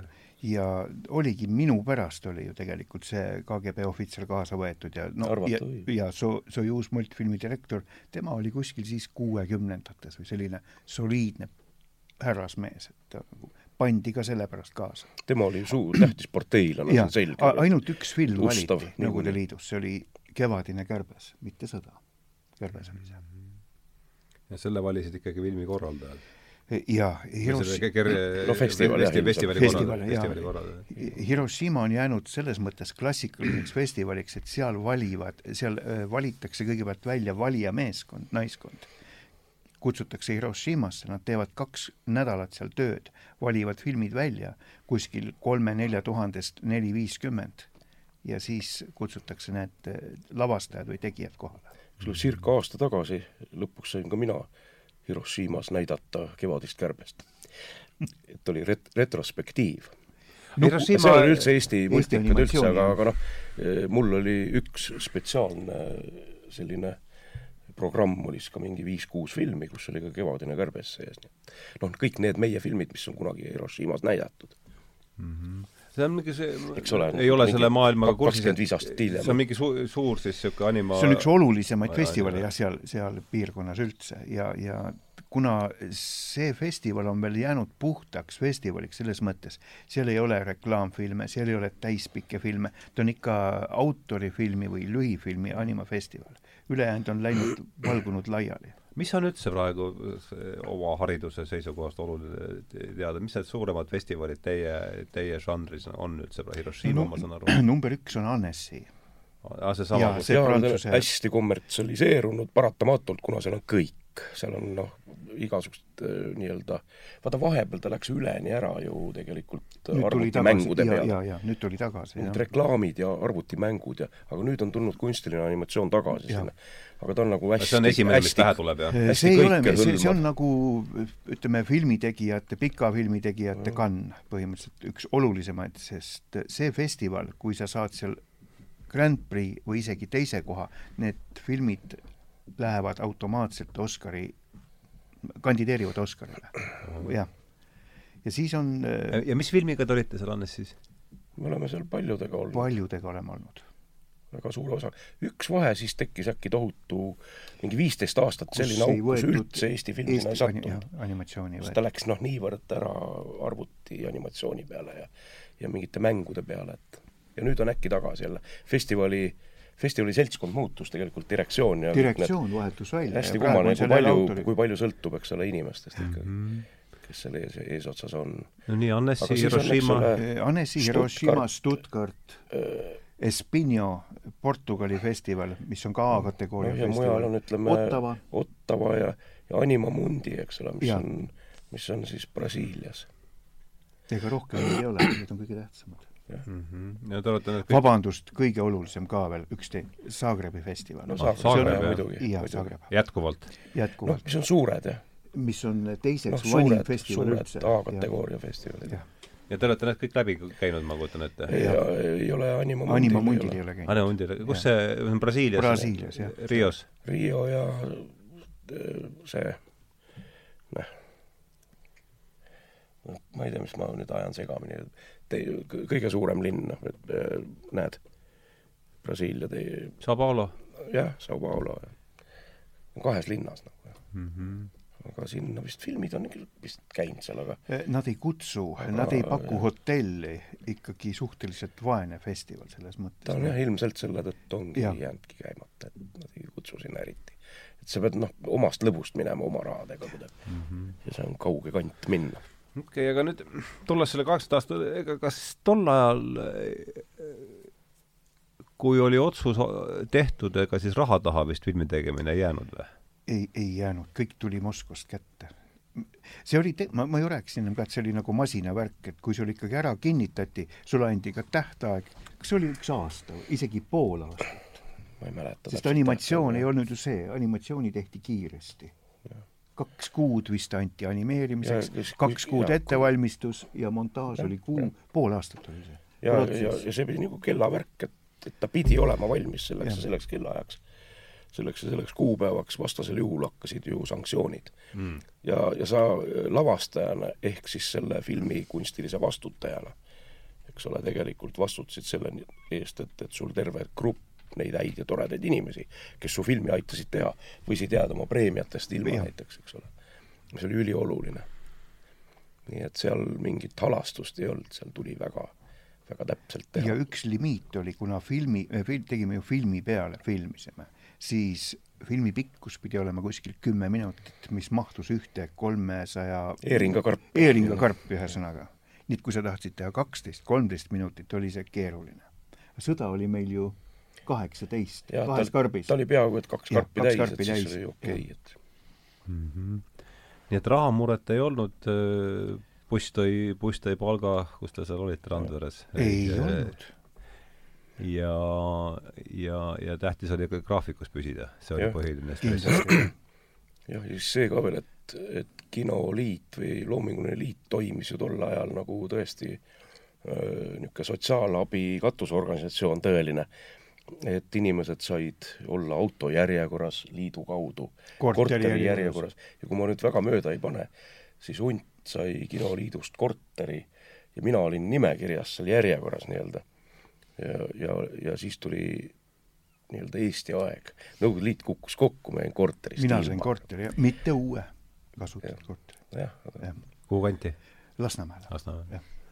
aga lähemegi siis siit nende üheksakümnendate aastate algusesse, et see on sealt, ütleme jällegi õhustikust, et millal, millal teil hakkas tunduma, et see asi võibki ühel hetkel niimoodi ära lõppeda? No tegelikult hakkas see ju vaata, kui need äh, laulvad revoluts-, mitte laulev revolutsioon, need esimesed laulu, laulupeod, öölaulupeod. öölaulupeod, jah, öölaulupeod, jah. aga ega see oli ka ainult selline, et sa ei olnud üldse kindel, et mis seal võiks edasi saada. Shanghais olime kaheksakümmend kaheksa sügis. samal ajal, kui me olime ära, tegelikult toimusid Toompeal kas Loominguste Liitude pleenum jah. tähendab, see oli meile üllatus täiesti, me teadsime, et ka asi susiseb, eks ole, et kui palju ja mis sanktsioonid vastu tulevad, ei tea. kõik oli hästi hämar. ja, ja läksime tagasisõiduks, me jäime muide, kuidagi jäime mingite lennuliinide tõttu jäime Pekingis äh, ühest Moskva lennust maha ja, ja kusjuures väga kummaline pidi olema kaks päeva kauem tänu sellele. ja olime Vene saatkonnas Vene saatkonnas, jah. Pekingis ja meid veeti Musta Volgaga ringi. See oli meeletu õnn, et ju niisugune jama juhtus. nägime Hiinat veel tüki rohkem tänu sellele ja Pekingit just. ja, ja samal ajal käisime neid Aerofloti pileteid miskipärast ise tegemas seal, ümber tegemas nii-öelda mm -hmm. ja siis Aerofloti kassas istusid need suure krunniga sellised prisked, mõnusad meme, vene, vene neiud kes siis nutsivad, nutsivad, et oi, te lähete nüüd ära, et nii tore oli meil Nõukogude Liidus koos olla kõik ja kuidas te küll ikka ära lähete. Ah, ja, siis siis, ja, juba, ja jah. siis oli ajalehes juba midagi ilmunud ja, ja meile jõudis ka kohale, et midagi on nüüd 88. käärimas. ahah, siis oli ikka selge Oli märk juba, jah. jaa. ja, ja sealt siis me läks vaatasime, et nüüd ju, juba vist on midagi. esimene selge märk. et jah, nagu päris käima tõmmatud. Aga kuidas seal lõpus seda rahadega äh, siis ka kaheksakümmend kaheksa, kaheksakümmend üheksa, kadusivad rahad ära, see rahad oli ära. hukatusjääving. siis juba Vene aja lõpp, jah? jaa, see oli ime, et Jah. üldse nukufilm alles jäi. aga ikkagi see aeg, kus nagu pidi otsustama, kas nukufilm alles jätta või mitte või kas need rahad tulevad riigi poolt, see aeg oli väike, sest kohe ju tekkis Eesti kult- või noh, see- Kultuuriministeerium ja, ja ei, see, filmi osa. seda küll, aga see, see oli ikkagi väga kasin ja Oli sellega küll, ei oleks vist stuudio, ma ei kujuta ette, mismoodi oleks alles jäänud tervikuna. mingi, mingi väga väike üksus, võib-olla mõned inimesed. aga, aga siis õnneks tulid jälle Soome tellimused mingid ja, ja tuli Sigi, juba kaheksakümnenda aasta lõpus juba või? ja Sigi Islandist, eks ole, päästis ka väga palju ära oma Islandi rahadega. kapsapead kaks tükki on ka koostööfilmina Soomega tehtud. kuigi see Soome osa ei olnud nii suur, aga ikkagi. Et see kõik oli jah, niisugune tohutus vaesuses, aga, aga noh, ära ka ei surdud. nii et Soome tellimused hakkasid ikka jah, kaheksakümnenda aasta lõpus midagi sai ja mingeid reklaame ja midagi sai ikka tehtud, et seal kuidagi vee peal püsida. Aga, aga see oli järsult üsna, üsna selline kukkumine, paratamatult. nojah, muidu oli kõik hoitud. kuskilt see raha tuli ja tuli ära kulutada ja filmid sündisid. noh, see mina, mina ei mäleta seda üleminekut isegi. ega ei mäletagi Jah, täpselt, mis seal nii väga te olete mõlemad selle ala, kõik Eestis, eks ju? ja, ja jah, ei, ma mõtlen just seda raha poolt, Ja, ja, et et kuna tekkis nagu see uus võimalus või, või kes ikka Eesti, või tähendab ikka Kultuuriministeerium ilmselt, et see organiseeriti väga ruttu üldiselt, need rahastamised. ei olnud ju Hmm. pikka vahet. Ma ei mäleta üldse, mis, mis no mis need kõige hapramad aastad olid seal üheksakümmend, üheksakümmend, üheksakümmend üheksakümmend, üheksakümmend üks kuskil, ma arvan. kapsapea ma tegin üheksakümmend kolm, esimese kapsapea, tuhat üheksasada üheksakümmend kolm, jah. oota, mis enne seda oli? ikkagi me tegime, me tegime Jackpot oli ju, mis me viimati Jackpot ja sinu tööd ja tegemised. ja, mina tegin ei, Kultuurimaa aga- joonisfilmis. aga me tegime veel koos ju selle, selle vene, vene inimese stsenaariumi järgi see Kellakägu õigus küll. äh, hilinenud romanss. hilinenud romanss, jah. millal see sündis veel? üheksakümmend pakun välja. terve, terve hulk filme tegelikult. kurat, mine või niisuguses hästi, hästi hale, haledas segases perioodis tehtud. jah, aga ikkagi sai tehtud. sai tehtud, jah. tuli sealt festivalil ka, festivalil ka midagi? eks ikka jah jah, aga ma ei mäleta jah, kuidas seal festivali sõitudega siis oli, kui Moskva oli tagant ära kukkunud. kuna lo- loodi üldse Kulka, Aga- noh, Kulka võimaldab ju Jah. Selles mõttes oligi nii, et ega toetab enne, ega A-kategooria enne reisi. oligi, et endal rahapõld jah, ja, ja esimesed festivalisõidud vist oligi Kulka, Kulka toetusega. saidki võimalikuks, eks ole, et nagu siiamaani Mhm. Kulka toetab festivalisõite. no tsensuur kadus nii palju, kui ta oli, see, see oli ma arvan küll, et see kadus seal kaheksakümnendate ainult, lõpus, kaheksakümnendate lõpus. ja see on, see ei kaogi vist. see ei kao.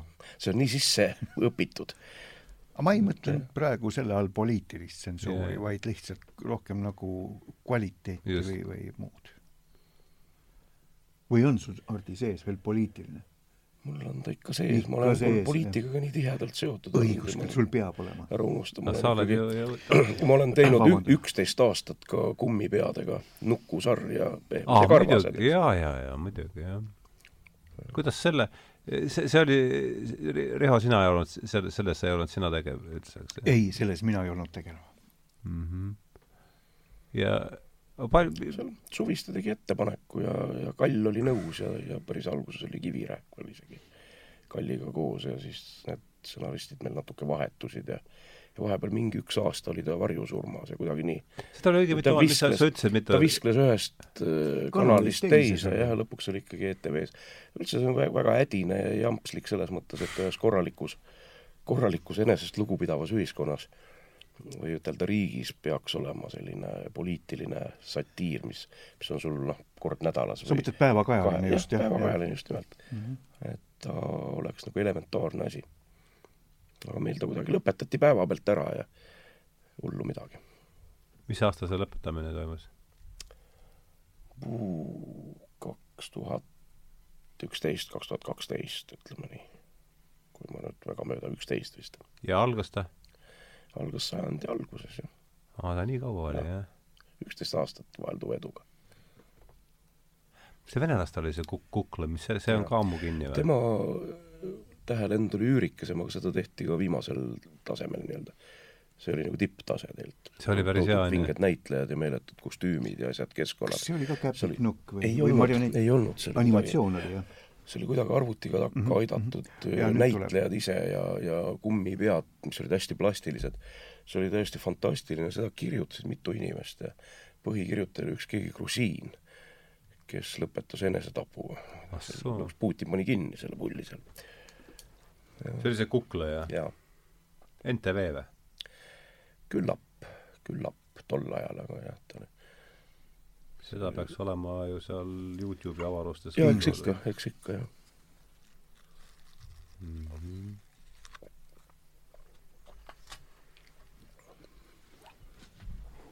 nojah, ja siis me nüüd, nüüd me siis siin oleme üheksakümnenda aastate algusesse jõudnud oma, oma jutuga, et mis, kui jälle sellist varase, üritada siin varase vabariigi vaivi tabada, et tuleb mingeid meeleolupildikesi, midagi, mis pretendeeriksid no loominguliselt Üld, üldistusele? kapsapea, tähendab, me pidime otsima mingisuguse lahenduse. noh, ütleme, Riho on teinud ka, ka ühe joonisfilmi tegelikult, mida ja. minu filmograafias ei esine. ma olen küll igasuguseid filme teinud, aga mitte joonisfilmi. sa ei ole joonisfilmi teinud? ei ole, ei ole jah. kultuurimaja ma ei ole kippunudki, aga Riho on teinud Kultuurimaja, see oli, see oli küll selline nii-öelda Nõukogude mineviku pila. oli, oli küll jah, ta oli paroodia. ma kahjuks ei ole näinud seda. ta põhines nagu arhitektuursetele sümbolitele, seal oli Kremlid, mille tornid kokku läksid ja, ja nii edasi.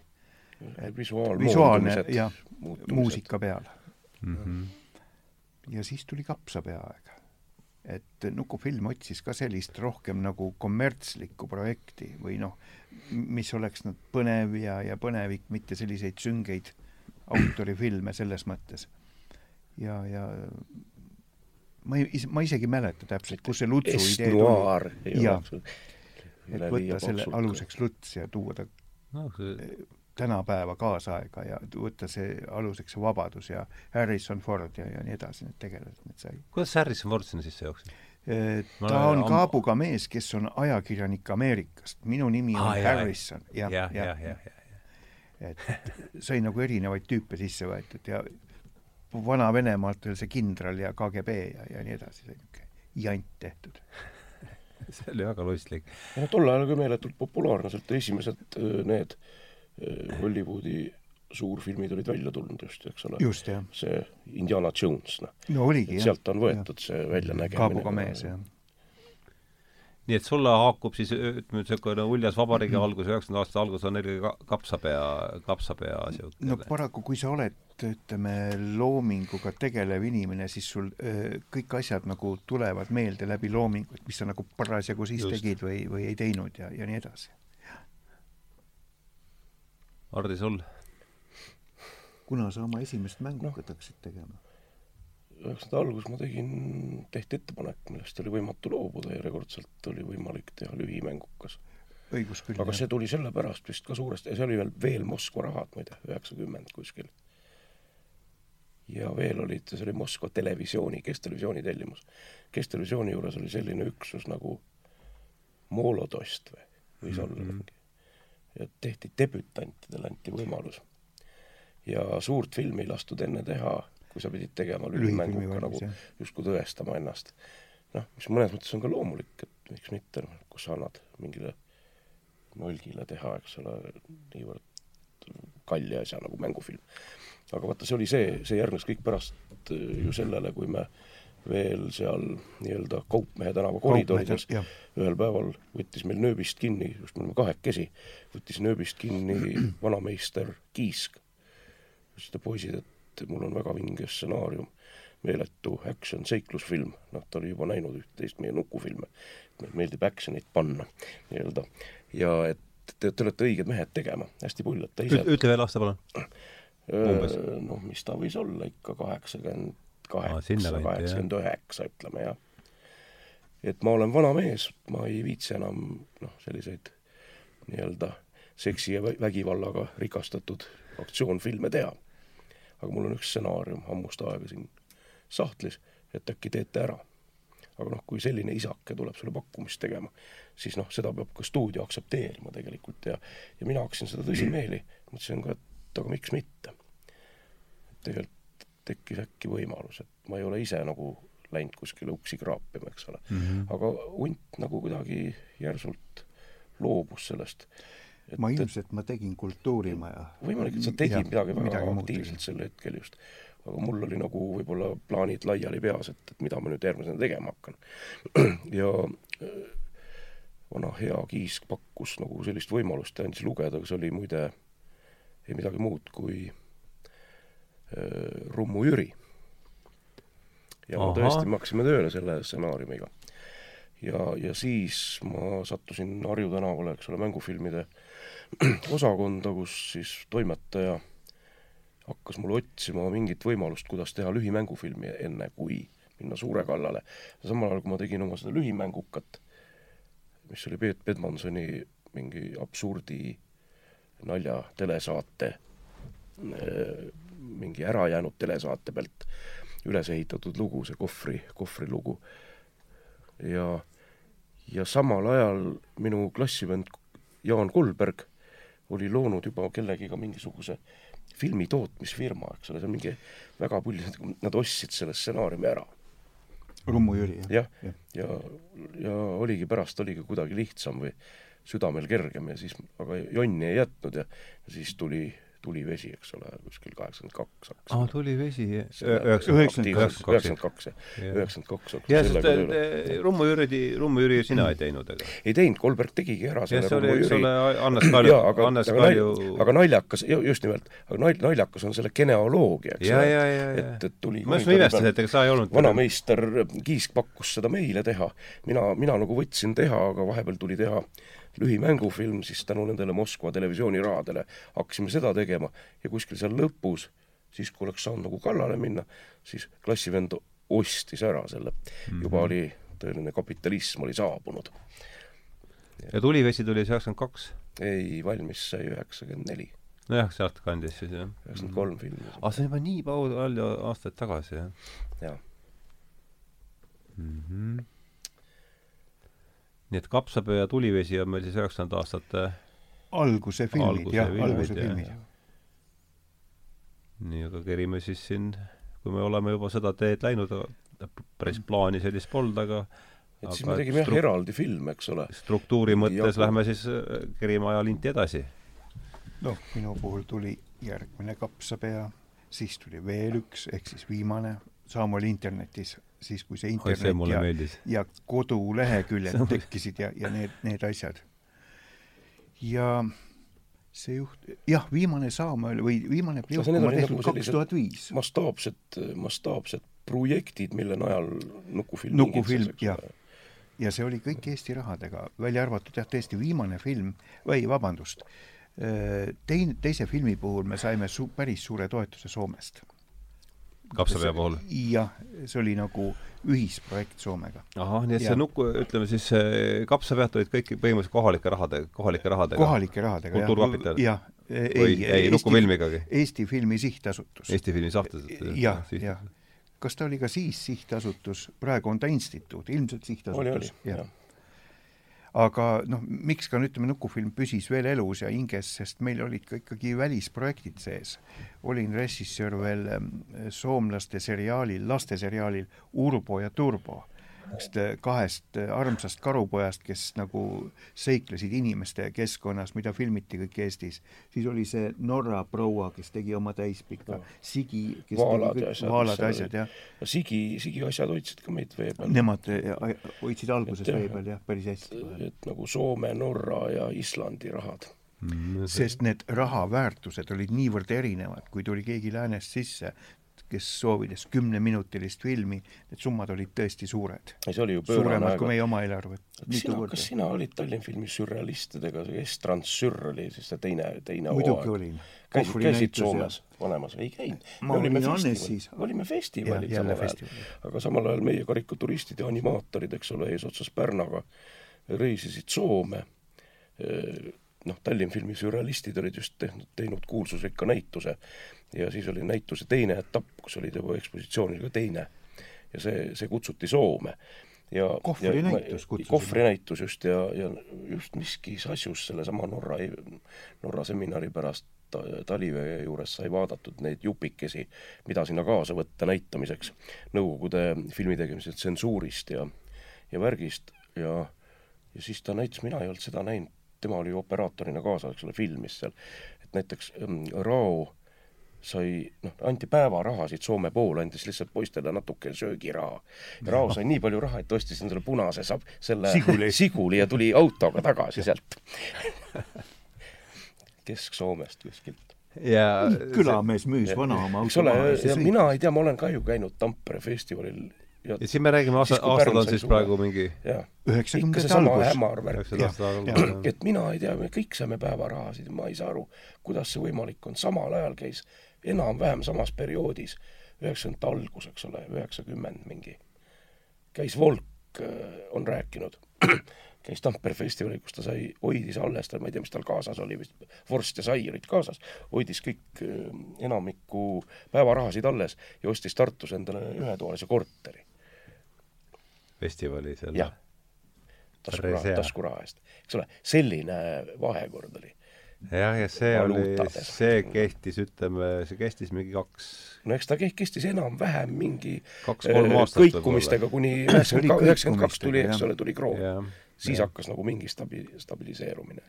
just, see oli oluline veelahe. sa mäletad oma esimesi krooni ka või? me olime, me olime Saaremaal siis. Me olime Saaremaal Nordic ja, ja, ja jah. kuidagi minul ei olnud üldse raha, et mida vahetada. Mm -hmm. et ma ei mäleta, et ma oleks kuskilt äh, esimese, et annad rutsid ja saad kroonid vastu.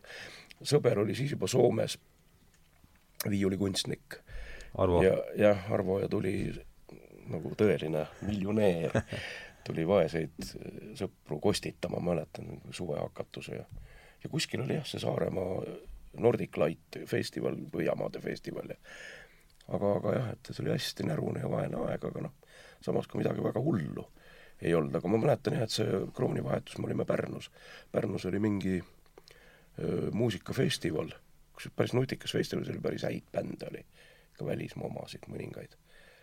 ja siis ma olin puhtalt Arvo, Arvo markade peal seal mm. ja nii, et vahetasime viimased rutsid mingis öökeldris, mingi keldribaar, bussijaama lähedal oli keldribaar ja me saime nagu, tegelikult oli juba vahetus toimunud vist ametlikult mm. -hmm. Nad võtsid veel ja siis Arvol oli mingi tohutu patakas rutt, see viskas selle sinna ja saime ühe konjaki.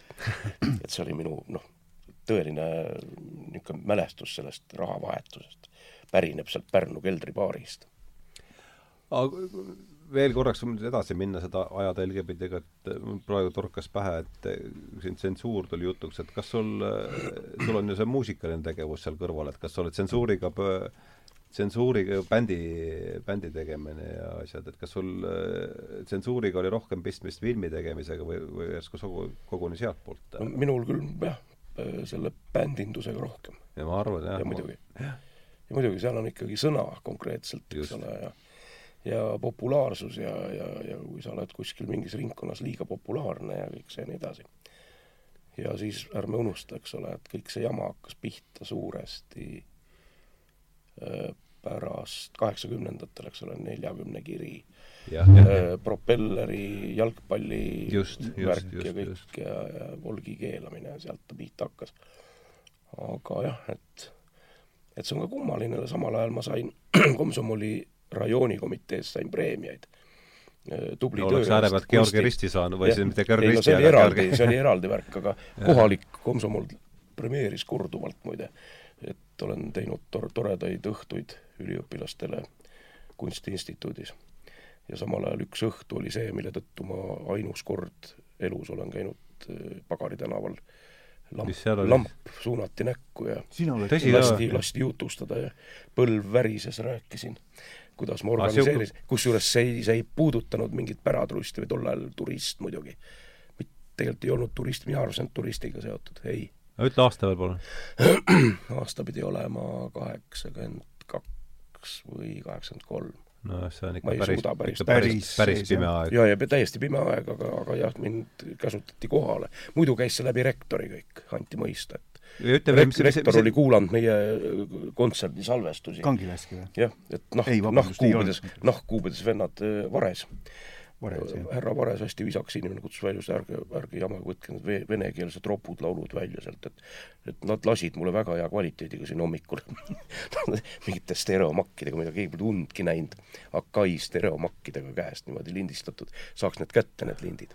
aga, Aga aga, aga sellepärast ei kutsutud välja mind. aga, aga ma organiseerisin ühe loo, luuleõhtu, no ütleme, mingi folklauluõhtud ja mis seal olid, luuleõhtu, kus Mati Miilius mm -hmm. luges, sisustas mingi kolmandiku õhtut ja see oli pööraselt naljakas.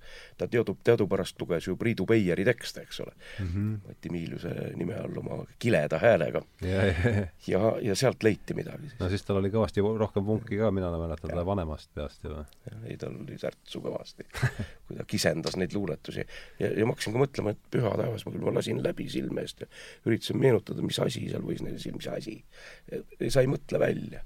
Ju olid et, juhul ju. et üks luuletus on mul küll meeles, eks ole, aga, aga noh, hea küll, et, et see on see, et mm, täna meile koolis loodi komsomoli rakuke, nimeks talle kohe pandi Kalju Karask kakuke.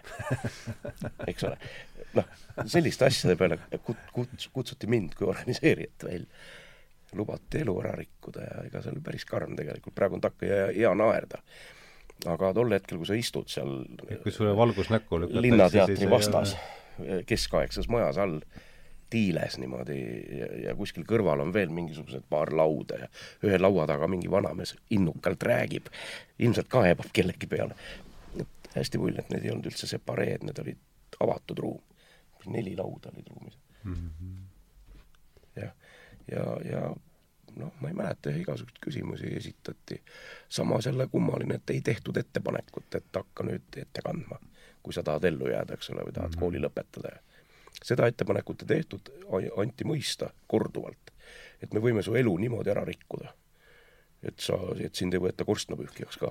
sellest piisas. sellest täiesti piisas, absoluutselt. kaheksakümmend kaks ja seal Brežnev suri kakskümmend et sa oled, siis ma olin ju, ei, see pidi kaheksakümmend kolm olema, ma olin juba, ma olin juba teatri, teatri erialal õppisin. Brežnev. Suri sügisel kaheksakümmend kaks, see pidi kaheksakümmend kolm olema, ma olin teatri, teatrisse üle läinud.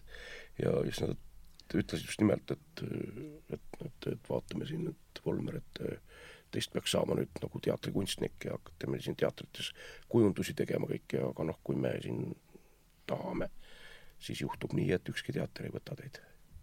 ja nii olekski olnud. see oli neil ju kökk-mökk tekitada olukord, kus mitte kõik olid riigiteatrid ja noh, et selles mõttes see paneb paratamatult tõsiselt mõtlema. ja, jah. aga nüüd siis, mis me sealt sajandivahetusega kandist oleme sinna jõudnud oma jutuajamisega, loominguliselt, ühiskondlikult, vaibib nüüd ikkagi kaks mida, päris üheksakümnendate lõppu. jaa, mida edasi läheb, seda igavamaks läheb see asi, mis puudutab ühiskondlikult või, või lihtsalt selline rutiinne looming. mitte rutiinne, aga, aga et hinges püsida, üks asi kindlasti. see nõuab ja ütleme, pideva surve all siiski. sa survet peatad, mille, mida sa survet? no kas või ütleme, et ellu jääda, sa pidid ju kogu aeg tegelikult mingi projekti, mingi filmi, no minu puhul filmiga, Hardi jah, no nuku, nukufilmgi jah, et, et praktiliselt iga suvi oli, noh, me olime ju nukufilmi öö, osanikud nii-öelda, see oli pealesunnitud olukord. aa, te olete nukufilmi osanikud? jaa, noh, nuku, Tallinn film kukkus. tema ta, on veel. Tallinn film kukkus kokku ja, ja siis sunniti nii-öelda, sunniti peale, et, et nukufilm ja joonisfilm samamoodi tahate ellu jääda, siis te peate tegema osaühingu. eks ole, mis mis, aga osaühing on äriühing. et, et mismoodi nad mõtlesid siis, et, et stuudiod, mis on siiamaani teinud festivaalifilme mm, -hmm. kunstipärakulisi autorifilme, eks ole, kümneminutilisi, mis absoluutselt võimatu müüa. -hmm. kaup, mida ei ole võimalik müüa mitte kuidagi ja, ja sind sunnitakse, eks ole, ära see tuli ministeeriumi poolt siis kuskilt või? nojah, Tallinna film ju kadus ära mm, -hmm. veeti laiali, nagu ikka tol ajal. et kõik asjad, mis pidid tulema, suured meeletud ühisstuudiod, kõik ja tehakse uus kõik Eesti kadus. filmikeskus kõik kuskile ja noh, müüakse maha kõik kinnisvarad ja sellest rahast ehitatakse mingi ja see kõik, kus see on. see toimus mitu korda, tõusis selle üles ja vajus kokku ja mis aastates me siin räägime üheksakümnendate keskpaik. teadupärast mul oli au teha Tallinnfilmi viimast filmi. tuli vett, võtetega alustasime, oli, tuli, oli Tallinnfilm, eks ole. aga filmi võtted ära lõppesid, siis oli Faama film jäänud üksinda, Tallinnfilmi enam ei olnud. nii et filmi lõpetas Sepping ja Faama film, juba eraettevõte nii-öelda. et kõik on sellised kogu aeg mingid muundumises, mingid ärevad ja visklevad ajad. no ja siis ja, oli veel jah huvitavad, nii-öelda huvitavad ajad, eks ole, nagu vanad hiinlased on öelnud, et tahad oma vaenlasele tahad no vaenlasele nii-öelda halba soovida, siis, siis palu, jah, siis palu ja palveta, et vaenlane elaks huvitavatel aegadel mm.. ma ei tea, kes meie eest palvetas, aga ja, ja üks kohustus oligi nukufilmi elus hoida. mitte niivõrd ainult oma projektidega, aga, aga otsida koostöövõimalusi ja reklaame teha. et sa teed kogu aeg, mida sa tahad ja. või noh, endale see, meeldiks, vaid et sa pead kogu aeg vaatama ka, et et see oleks midagi, noh, et, et millega saaks nagu elus püsida. ja see on siis kusagil üheksakümnenda aasta keskelt tekkis see? vist natuke hiljem ikkagi. isegi hiljem? hiljem. jah -hmm.. aga noh, kui tasapisi mõtlema selle peale, et see jutuajamis ka kunagi lõpeb siin nüüd meil otsa, et aga, et üks teema, mis, mille üle mina olen äh, siin mõelnud, et kui meil oleks selline asi, meil on seal Statistikaamet ja sealt tuleb igasugu indekseid nagu Vändrast äh, saelaudu, aga et kui oleks niisugune indeks nagu ärrituvus, ärrituvusindeks, mis näitaks seda, et millise, millise noh, hooga me teineteise või üksteise turja karjame, et ka, ka kargame, et mis, kuidas minu, minu tunne on, et kui niisugune indeks oleks olemas, et siis see on nüüd viimastel aastatel mm, ikkagi järjest ülespoole rühkinud, et kas see on mingi niisugune tunne, mida te jagate? Ja, ja, ja mis võiks olla selle ühiskondlikult tundlike inimestena ja et, et mis võiks olla selle et kas te jagate? Rohi selle vastu? isegi mitte põhjus või? isegi võtame kõigepealt põhjus, kõigepealt muidugi see, et kas te üldse jagate seda.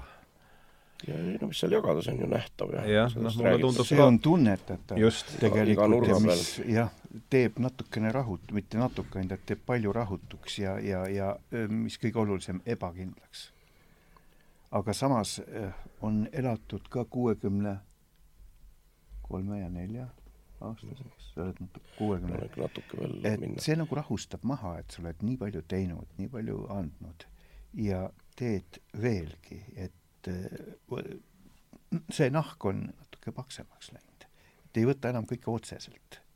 vanasti ta liigutas ja, ja igasugune pisike asi, mis sealt tuli, lükkas su natukene viltu ja pidid jälle ennast taastama, aga kõige aktiivsem loomeperiood on, on nii-öelda möödunud ju ärevatel ja muutuste aegadel Just. kogu aeg mm. -hmm. et eks see muidugi natuke kalestab või noh, et, et ei võta nii väga südamesse asju, aga, tegelikult, tegelikult on noh, kõik sellised suured ühiskondlikud protsessid on ju näht-, näha ja, ja ka ajaloos vaadata, et et seal need nende põhjused on alati, ei ole kunagi mustvalge, ei ole see maailm mm. -hmm. seal on alati nii-öelda väga ambivalentne, nüüd võõrsõnaga väljendudes või, ja neid põhjusi või neid muutujaid on alati väga mitu. kindlasti, jah. ja, ja praegu on üks asi, on ju see, et, et kõik on väga nähtav ja ripakil ja avali. keegi kraaksub, eks ole, ta teeb seda ju sotsiaalmeedias peldikusein nii-öelda ja see on kõigile näha ja vanasti noh, oli üks grupp ja teine grupp ja jutud liikusid muidugi, aga aga noh, see ei saanud olla nii otseti ja ja nii halasti, tähendab, kõik need äh, iga, iga vennikese tuju ja, ja kes, kes kellele ei meeldi ja mul mine puu taha ja et või pane ennast põlema, eks ole.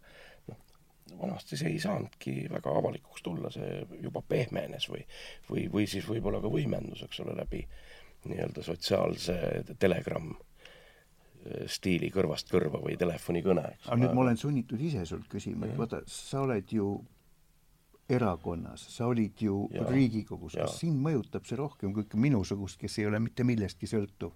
kes ei ole milleski süüdi. Aga mina pean nüüd ausa tööga leiba teenima hakkama.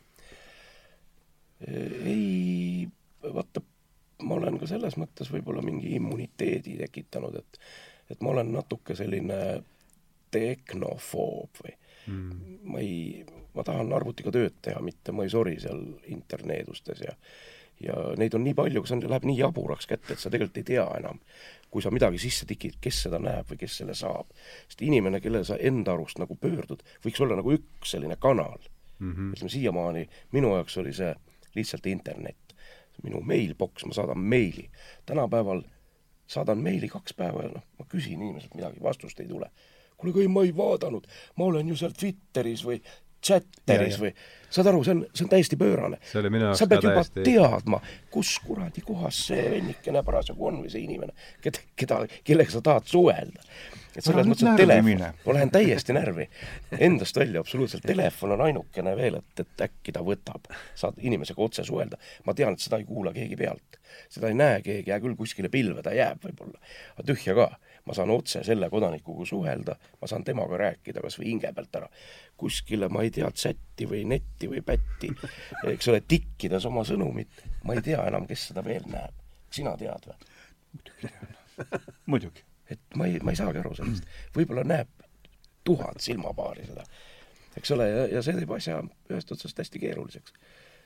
mul, mul oleks küll see on nagu infoga ja infotöötlusega täpselt sama, mis sa hakkasid rääkima positiivselt? ma olen, ma olen küll väga positiivne, mul on, äh, võib-olla Hardi ei tea, ma isegi kirjutasin raamatu, mis nüüd jõuludeks välja tuleb. mul on Tohko nii... tonti küll, ma seda pidin teadma loominguliselt on praegu päris õnnis olla ausalt öeldes. mitmel rindel töötada ja, ja jõudu on ja, ja ma eriti see, mis aknast või Twitterist või ükskõik mis tuleb, ei lase ennast häirida.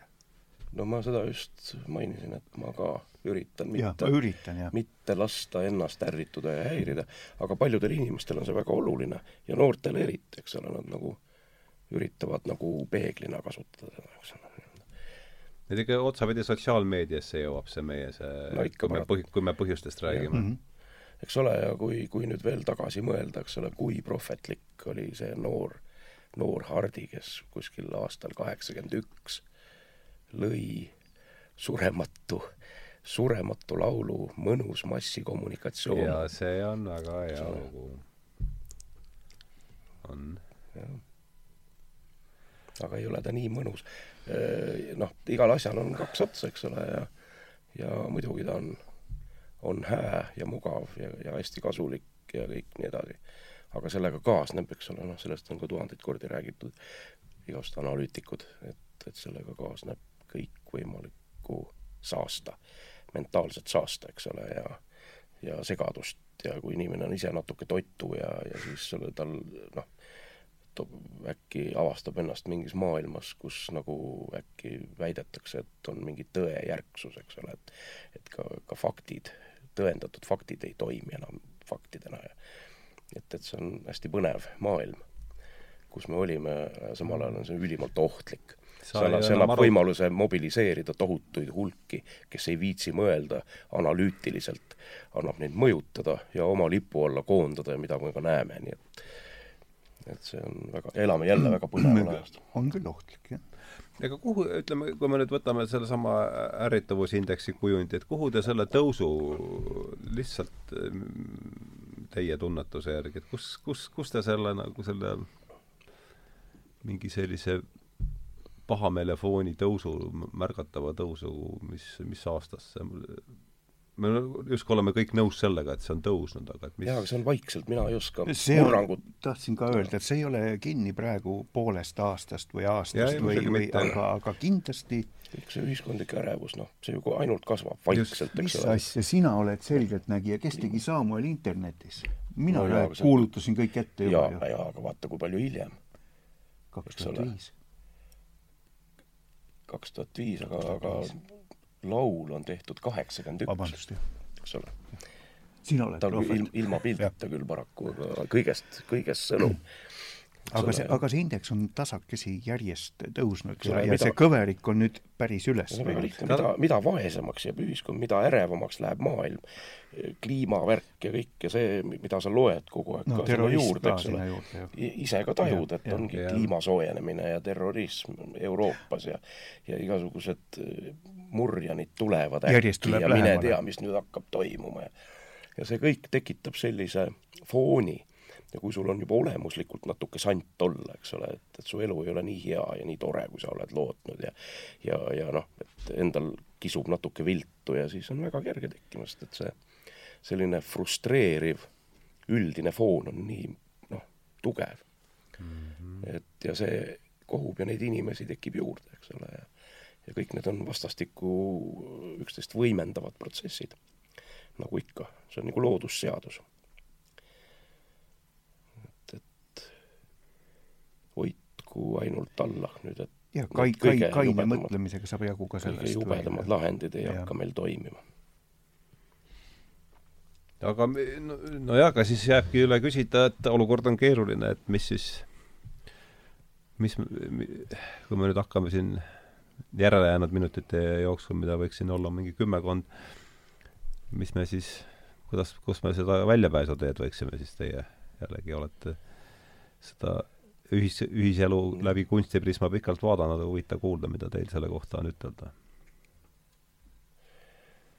eks ikka kaine meel käis läbi korra kaine meel ja kasinus ja kõik need ilusad juba Vana-testamendi aegsed omadused, mida ikka on inimestelt oodatud, eks ole. et selline enese mina, enese mina näiteks ja, ja üks ene, võimalus. enese mina taandamine ja selline noh, aukartus elu ees ja aupaklikkus ja ja, ja üldine kasinus, et sa ei jahnitse ja ei osta kõike ja noh, ja, ja mis vaid, eks ole, ja samal ajal see nagu eeldaks ka seda, et, et sul endal ei ole noh, nii-öelda majandustaaka kaelas, et et sa pead vaatama ja higistama selle pärast, et et kas nagu lapsel on midagi lauale panna ja mis, mis nullib ju sagedasti ära terve rea selliseid igavesti armsaid ja toredaid oodatavaid inim, inim, inimomadusi. mm. -hmm. et see sundus, et mis on see esmane ellujäämisvajadus, et siis nagu üldiselt kipuvad muud eetilised, eetilised piirid kaduma või noh, et, et igalühel on see väga erinev, kust, kust sul see nii-öelda kõlbeline imperatiiv tähendab, on sinu jaoks mis asi. et, et üldiselt, kui inimene on väga hädas, siis suur Ja- osa inimesi ei mõtle selliste asjade peale, et, Ja et kas ma kas ma nüüd lähen plastikkotiga nüüd äh, või lähen ostan jälle uue plastikkoti ja ja nii edasi ja nii edasi, eks ole. aga järsku peaks lähtuma nagu animatsioon, et sa pead olema kohutavalt kannatlik, rahulik ja, ja laskma sellel Zen, mööda minna, täpselt niimoodi. zen-seisund. nagu animaatori puhul. jah, aga noh, sa näed ju, see jäi mul mis, ma, sa näed ju, mis maailmas toimub, eks ole, see tuleb sulle koju kätte. paratamatult teed sealt järeldusi ja, ja eks see on küllaltki hirmutav. et kui ikka suurvõimud on mingite selliste kummaliste klounide juhtida, et see on nagu hästi kas sa mõtled iga päev sellele või? saatuslik? Ma ei- ma ei jaksa mõelda enam sellele. ei mõtle muidugi, sul Jah. on enesekaitserefleks, sul aju, aju ju lülitab välja ikka mingi immuniteet peab olema, muidu, muidu jooksed kohe vastu seina peaga. kuidas teekande päevauudiseid jälgite, vaatate? Äh, nii ja naa, vahel vaatan äh, Aktuaalset Kaamerat, vahel jällegi mitte. tavaliselt väga head ja täpsed uudised saab kätte Soome televisioonist endiselt. see ei kehti mitte ainult siis, kui meil omal oli veel keelatud, aga, aga seal on kuidagi hästi neutraalsed ja, ja uudised on loetud täpselt ja mõte on välja toodud. on ta nüüd siis Soome enda uudiseid või rahvusvahelised. meie oma on natuke segane ja natuke kallutatud, nagu alati. mille, mis kaudu, kanalite kaudu te teie üldse ennast maailmas toimuvaga kursis hoiate valdavalt? Eesti. Eesti. ei ole aega Soome vene, ja Eesti. vene ja inglise ja soome keeles olen ma ikkagi piisavalt abitu. trükimeedia telemeedia? kui vaja, siis Ja ma vaja. loen, aga jah. ei, ei loe ajalehti No ainult internetist jah. sul ei tule ajaleht koju või? ei, ei tule. no vot meil tuleb. siis sa oled ise tellinud ju. jah. mul, ärme unusta, et mu kallis abikaasa töötab ise ajalehes ja, ja sestap on mul ajalehtede mass, mis mul, või see infomass, mis, tulv, mis mul trükimeediana juba koju tuleb, on üsna aukartust äratav ja hommikuti noh, nagu vana Inglise härrasmees. välja arvatud see, et ma sigarit ei pane. aga kohvi kõrvale hommikul võtan värske ajalehe ikka ja ja, ja seesama, seesama uud-, uudis tuleb ka raadiost, mis mul ka seal piniseb nurgas, eks ole. autos on autoraadio, tavaliselt on Kuku peal, kodus on Vikerraadio, noh a la, eks ole, nii et et ka päeva lõpuks sama. tuleb noh, ikkagi mitmest allikast nagu noh, üks ja sama uudis võib kolmel erineval kujul sulle koju või pähe jõuda, nii-öelda mitte koju. kui agarad Youtube'i kasutajad te olete? peaaegu mitte Peaaegu üldse ainult professionaalselt, selles mõttes, kui ma tahan näiteks teada, kuidas liblikas lendab või, või mingi liikuv element või mingi asi, mille, mis mul filmi jaoks on vajalik, siis küll mm. -hmm. aga muidu mitte. Arne, sina? nojah, mul on ka olnud sundust küll, et ma pean midagi, mingeid asju, muusikalisi asju isegi vaatama ja ja just nimelt vaatama. Või siis kuulama, aga pilt on ka mõnikord juures ja, ja sealt satud nagu kogemata, eks ole, äkki midagi huvitavat ja klikid edasi no,. nii kergesti aga, aga läheb. väga palju on ka see, mida saadetakse sulle lihtsalt linke mm. -hmm. ja teinekord ikka vaba aega, siis jääd nagu, jääd nagu näppima ja vaatama. ja, ja eks seal on, tegelikult on noh, päris palju ka seda, mis on suhteliselt nutikas ja ja, ja mida peakski vaatama, aga ei jõua. Mul oli plaan küll, aga noh, ei jõudnud seda ellu viia, et see teie sõda veel üle, üle vaadata, et et kui s- paari sõnaga kokku võtta kuulajatele, kes seda näinud ei olnud, et mis, mis, mis seal tegelikult või jah, et paari sõnaga, et mis seal toimus ja kui et kas palju see teil pr- praeguses olukorras niimoodi siin ka kaasa kõlab, et võib-olla selle, selle teemaga no ta on ju meil aegumatu muinasjutt, ta, ta oli algselt ju mõeldud muinasjutt. mitte mõeldud, vaid ta on ju, oota, stardi nii-öelda pauk tuli ju tegelikult Eesti rahva ennemuistsetest juttudest, eks ole. oli ju Jakobsoni Jah. jutud, Voresed ja rotid. loomade sõda, loomade sõda, õigus, ja see toimus puu otsas, meil toimub ta veskis. jah, et seal oli rebane ja sealt linnu Jah., lindude-loomade sõda tegelikult. mm. -hmm. kus ühel, ühel pool miskipärast olid siis sulelised ja ja teisel pool siis Karvalised. muud, ulukid ja, kokku said karvased vesiveskis jah. aga noh, meie kirjutasime selle läbi ja ümber ja me võtsime tegelikult täiesti üheselt, võtsime aluseks nagu teise ilmasõja või noh, väga, väga tinglikult, aga siiski. et see väike mm, nii-öelda nahkhiir, eks ole, kes ei ole loom ega ei ole ka lind või on nii lind, lendav loom, eks ole. et ta on täpselt see vahepealne frukt nii-öelda nagu, et enam-vähem niisugune Eesti, väike Eesti seal kahe suure jõu vahel, eks. Mm -hmm. nii pateetiliselt kohe. ja oli, see oli täiesti üheselt. tegelikult. ja me see, selle nii-öelda stru-, või, või selle nii-öelda jah mm., liini najal tähendab, ehitasi, ehitasime selle loo siis nagu. ta viib Just. lihtsalt rotid ja varesed omavahel kokku tülli ja sõtta. ja, ja teine sõda, see õige sõda, inimestevaheline, toimub ju läbi helide ja, ja plahvatuste ju väljaspool veskit. paralleelselt kaks sõda, mis on sees ja väljas või on see üks sõda? et noh, inimeste sõda käib õues Jah. ja toas on siis möllavad rotid ja, ja varesed ja keda siis provotseerib see väike nahkhiir. nahkhiir, jah. Vaarik mängis teda, eks? jah. olete mõelnud Yeah. tagasi ka selle peale või et kuidas ta praeguses ajas, praeguses ajas mingit ei tea jah, selles mõttes, et öö, nüüd ongi küsimus, et mis, mis asi on see välispidine, väljas toimuv nii-öelda suur sõda, mis hävitab tema kodu ikkagi. Nüüd on see veel Film- kohutav, see film film on veel kohutavam, see on väga traagilise Jah, lõpuga ega vesi veski ju jää, on filmi lõpus varem, et see on te- väikse nahkhiire pomm- maailm ju, see vesiveski ja see saab ju mis asi? tema maailm, nahkhiire maailm jah, ja see saab pommipaugu ju lõpus teise, jah. ja jääb ainult vare. kui see film eh, korralikult ära restaureerida, seal on ka väga ilus Lepo Somera muusika, siis see on täielikult ajatu. Ja, ja minu meelest ta kehtib tänapäeval veel rohkem. sest kui ta tookord oli mõeldud ainult ütleme, Saksa-Vene või see Teise ilmasõja jaoks. jah, see olekski liiga primitiivne, selline ühene allusioon. suured aga seal lõpuks käib ümber vilja, eks ole, kogu mäss, mm -hmm. mõlemad kui pikk, kui pikk see oli? kaheksateist minutit, kui ma nüüd täpselt mäletan, kaheksateist minutit. veskis on ju vili põrandal ja kottides ja siin-seal viljajäänukid. see on see, mille järele tullakse või mida tullakse nagu vii-, hõivama. noh, võta kus otsast tahad ja niisugune väga, väga nähtav, loogiline pide. ja, ja peale selle veel see, ütleme visuaalselt vesi-veski interjöör läbi kolme-nelja korruse, need masinad, see on, see, see oli, ütleme, toetas filmi täielikult. noh, kui oleks näiteks toimunud kuskil laos või ruumis, aga teises, teistsuguses ruumis, aga see vesi-veski andis eriti, ütleme, panoraamide puhul sellist põnevat ruumilisust filmile kaasa.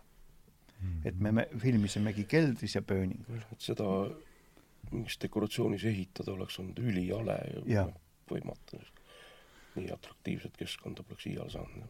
No vot, kahju jah, et ma ei jõudnud, aga nüüd on üks asi, mis ma siin kindlasti peale selle, selle hoo pealt äh,, saan ma seal Youtube'ist kuskil? ma ei ole kindel üldse ei. ole kindel, jah ma? ei tea. kus, kus sellele üldse ligi saaks, ma Kas tahaks ta selle hoo vist-, hoo pealt ta aga vist nüüd on taastatud, eks ole, sõda on. Eh, sõda, ta on Soomes esialgselt taastatud, ta ei ole lõpp, noh, ta ei Ongi ole nii,, jaa, on küll aga kas veel mingit vanemat varianti on kuskil? ma pean uurima, kindlasti on meil DVD olemas, plaadi näol, pulga või on isegi pulga peal. See oleks samas Norras just Oleks hea näidati näidata- seal seminaril ainukese asjana. näidati jaa, aga see oli Gunnari initsiatiiv No no,, see- mina ei viinud seda sinna. ja Gunnar näitas seda arvutist. ma ei tea, kust ta selle siis saanud oli. ja kuidagi mulle ma see, ma, ma uurin seda ja kuidagi see Popi ja Who tund-, no sellest me nüüd ei hakka, ei jõua hakata enam rääkima, aga mulle tundub see Popi ja, Popi ja Who, Popi ja Who on ka igavesti. See käis meil siin see käis meil siin algusest läbi see kõlksub väga kokku kiire, päris muidugi. päris kenasti kokku.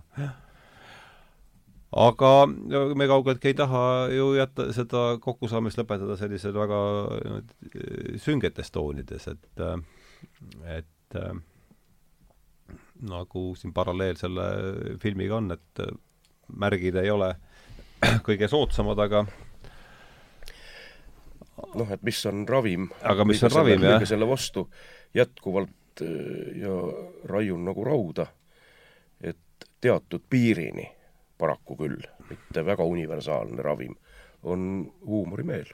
minu arust ma just tahtsin sinnani kõik, kõik see jama ja pasa välja naerda, võtsid sõnad suust. jah, ja minul, minul, minul samamoodi, nii et äh, rõõm oli teid siin stuudios tervitada, lähme siis niimoodi rõõmsatujuliselt ja nii palju kui na- naljaga edasi ja ja aitäh teile tulemast, Riho Unt, Hardi Volmer see eetris oli viiekümne kaheksas, üheksas, kuuskümmend saadet hakkab täis saama juba kutsumast, aitäh kutsumast. aitäh kutsumast, tõesti vahva oli teiega lobiseda ja head õhtut! head õhtut. head õhtut!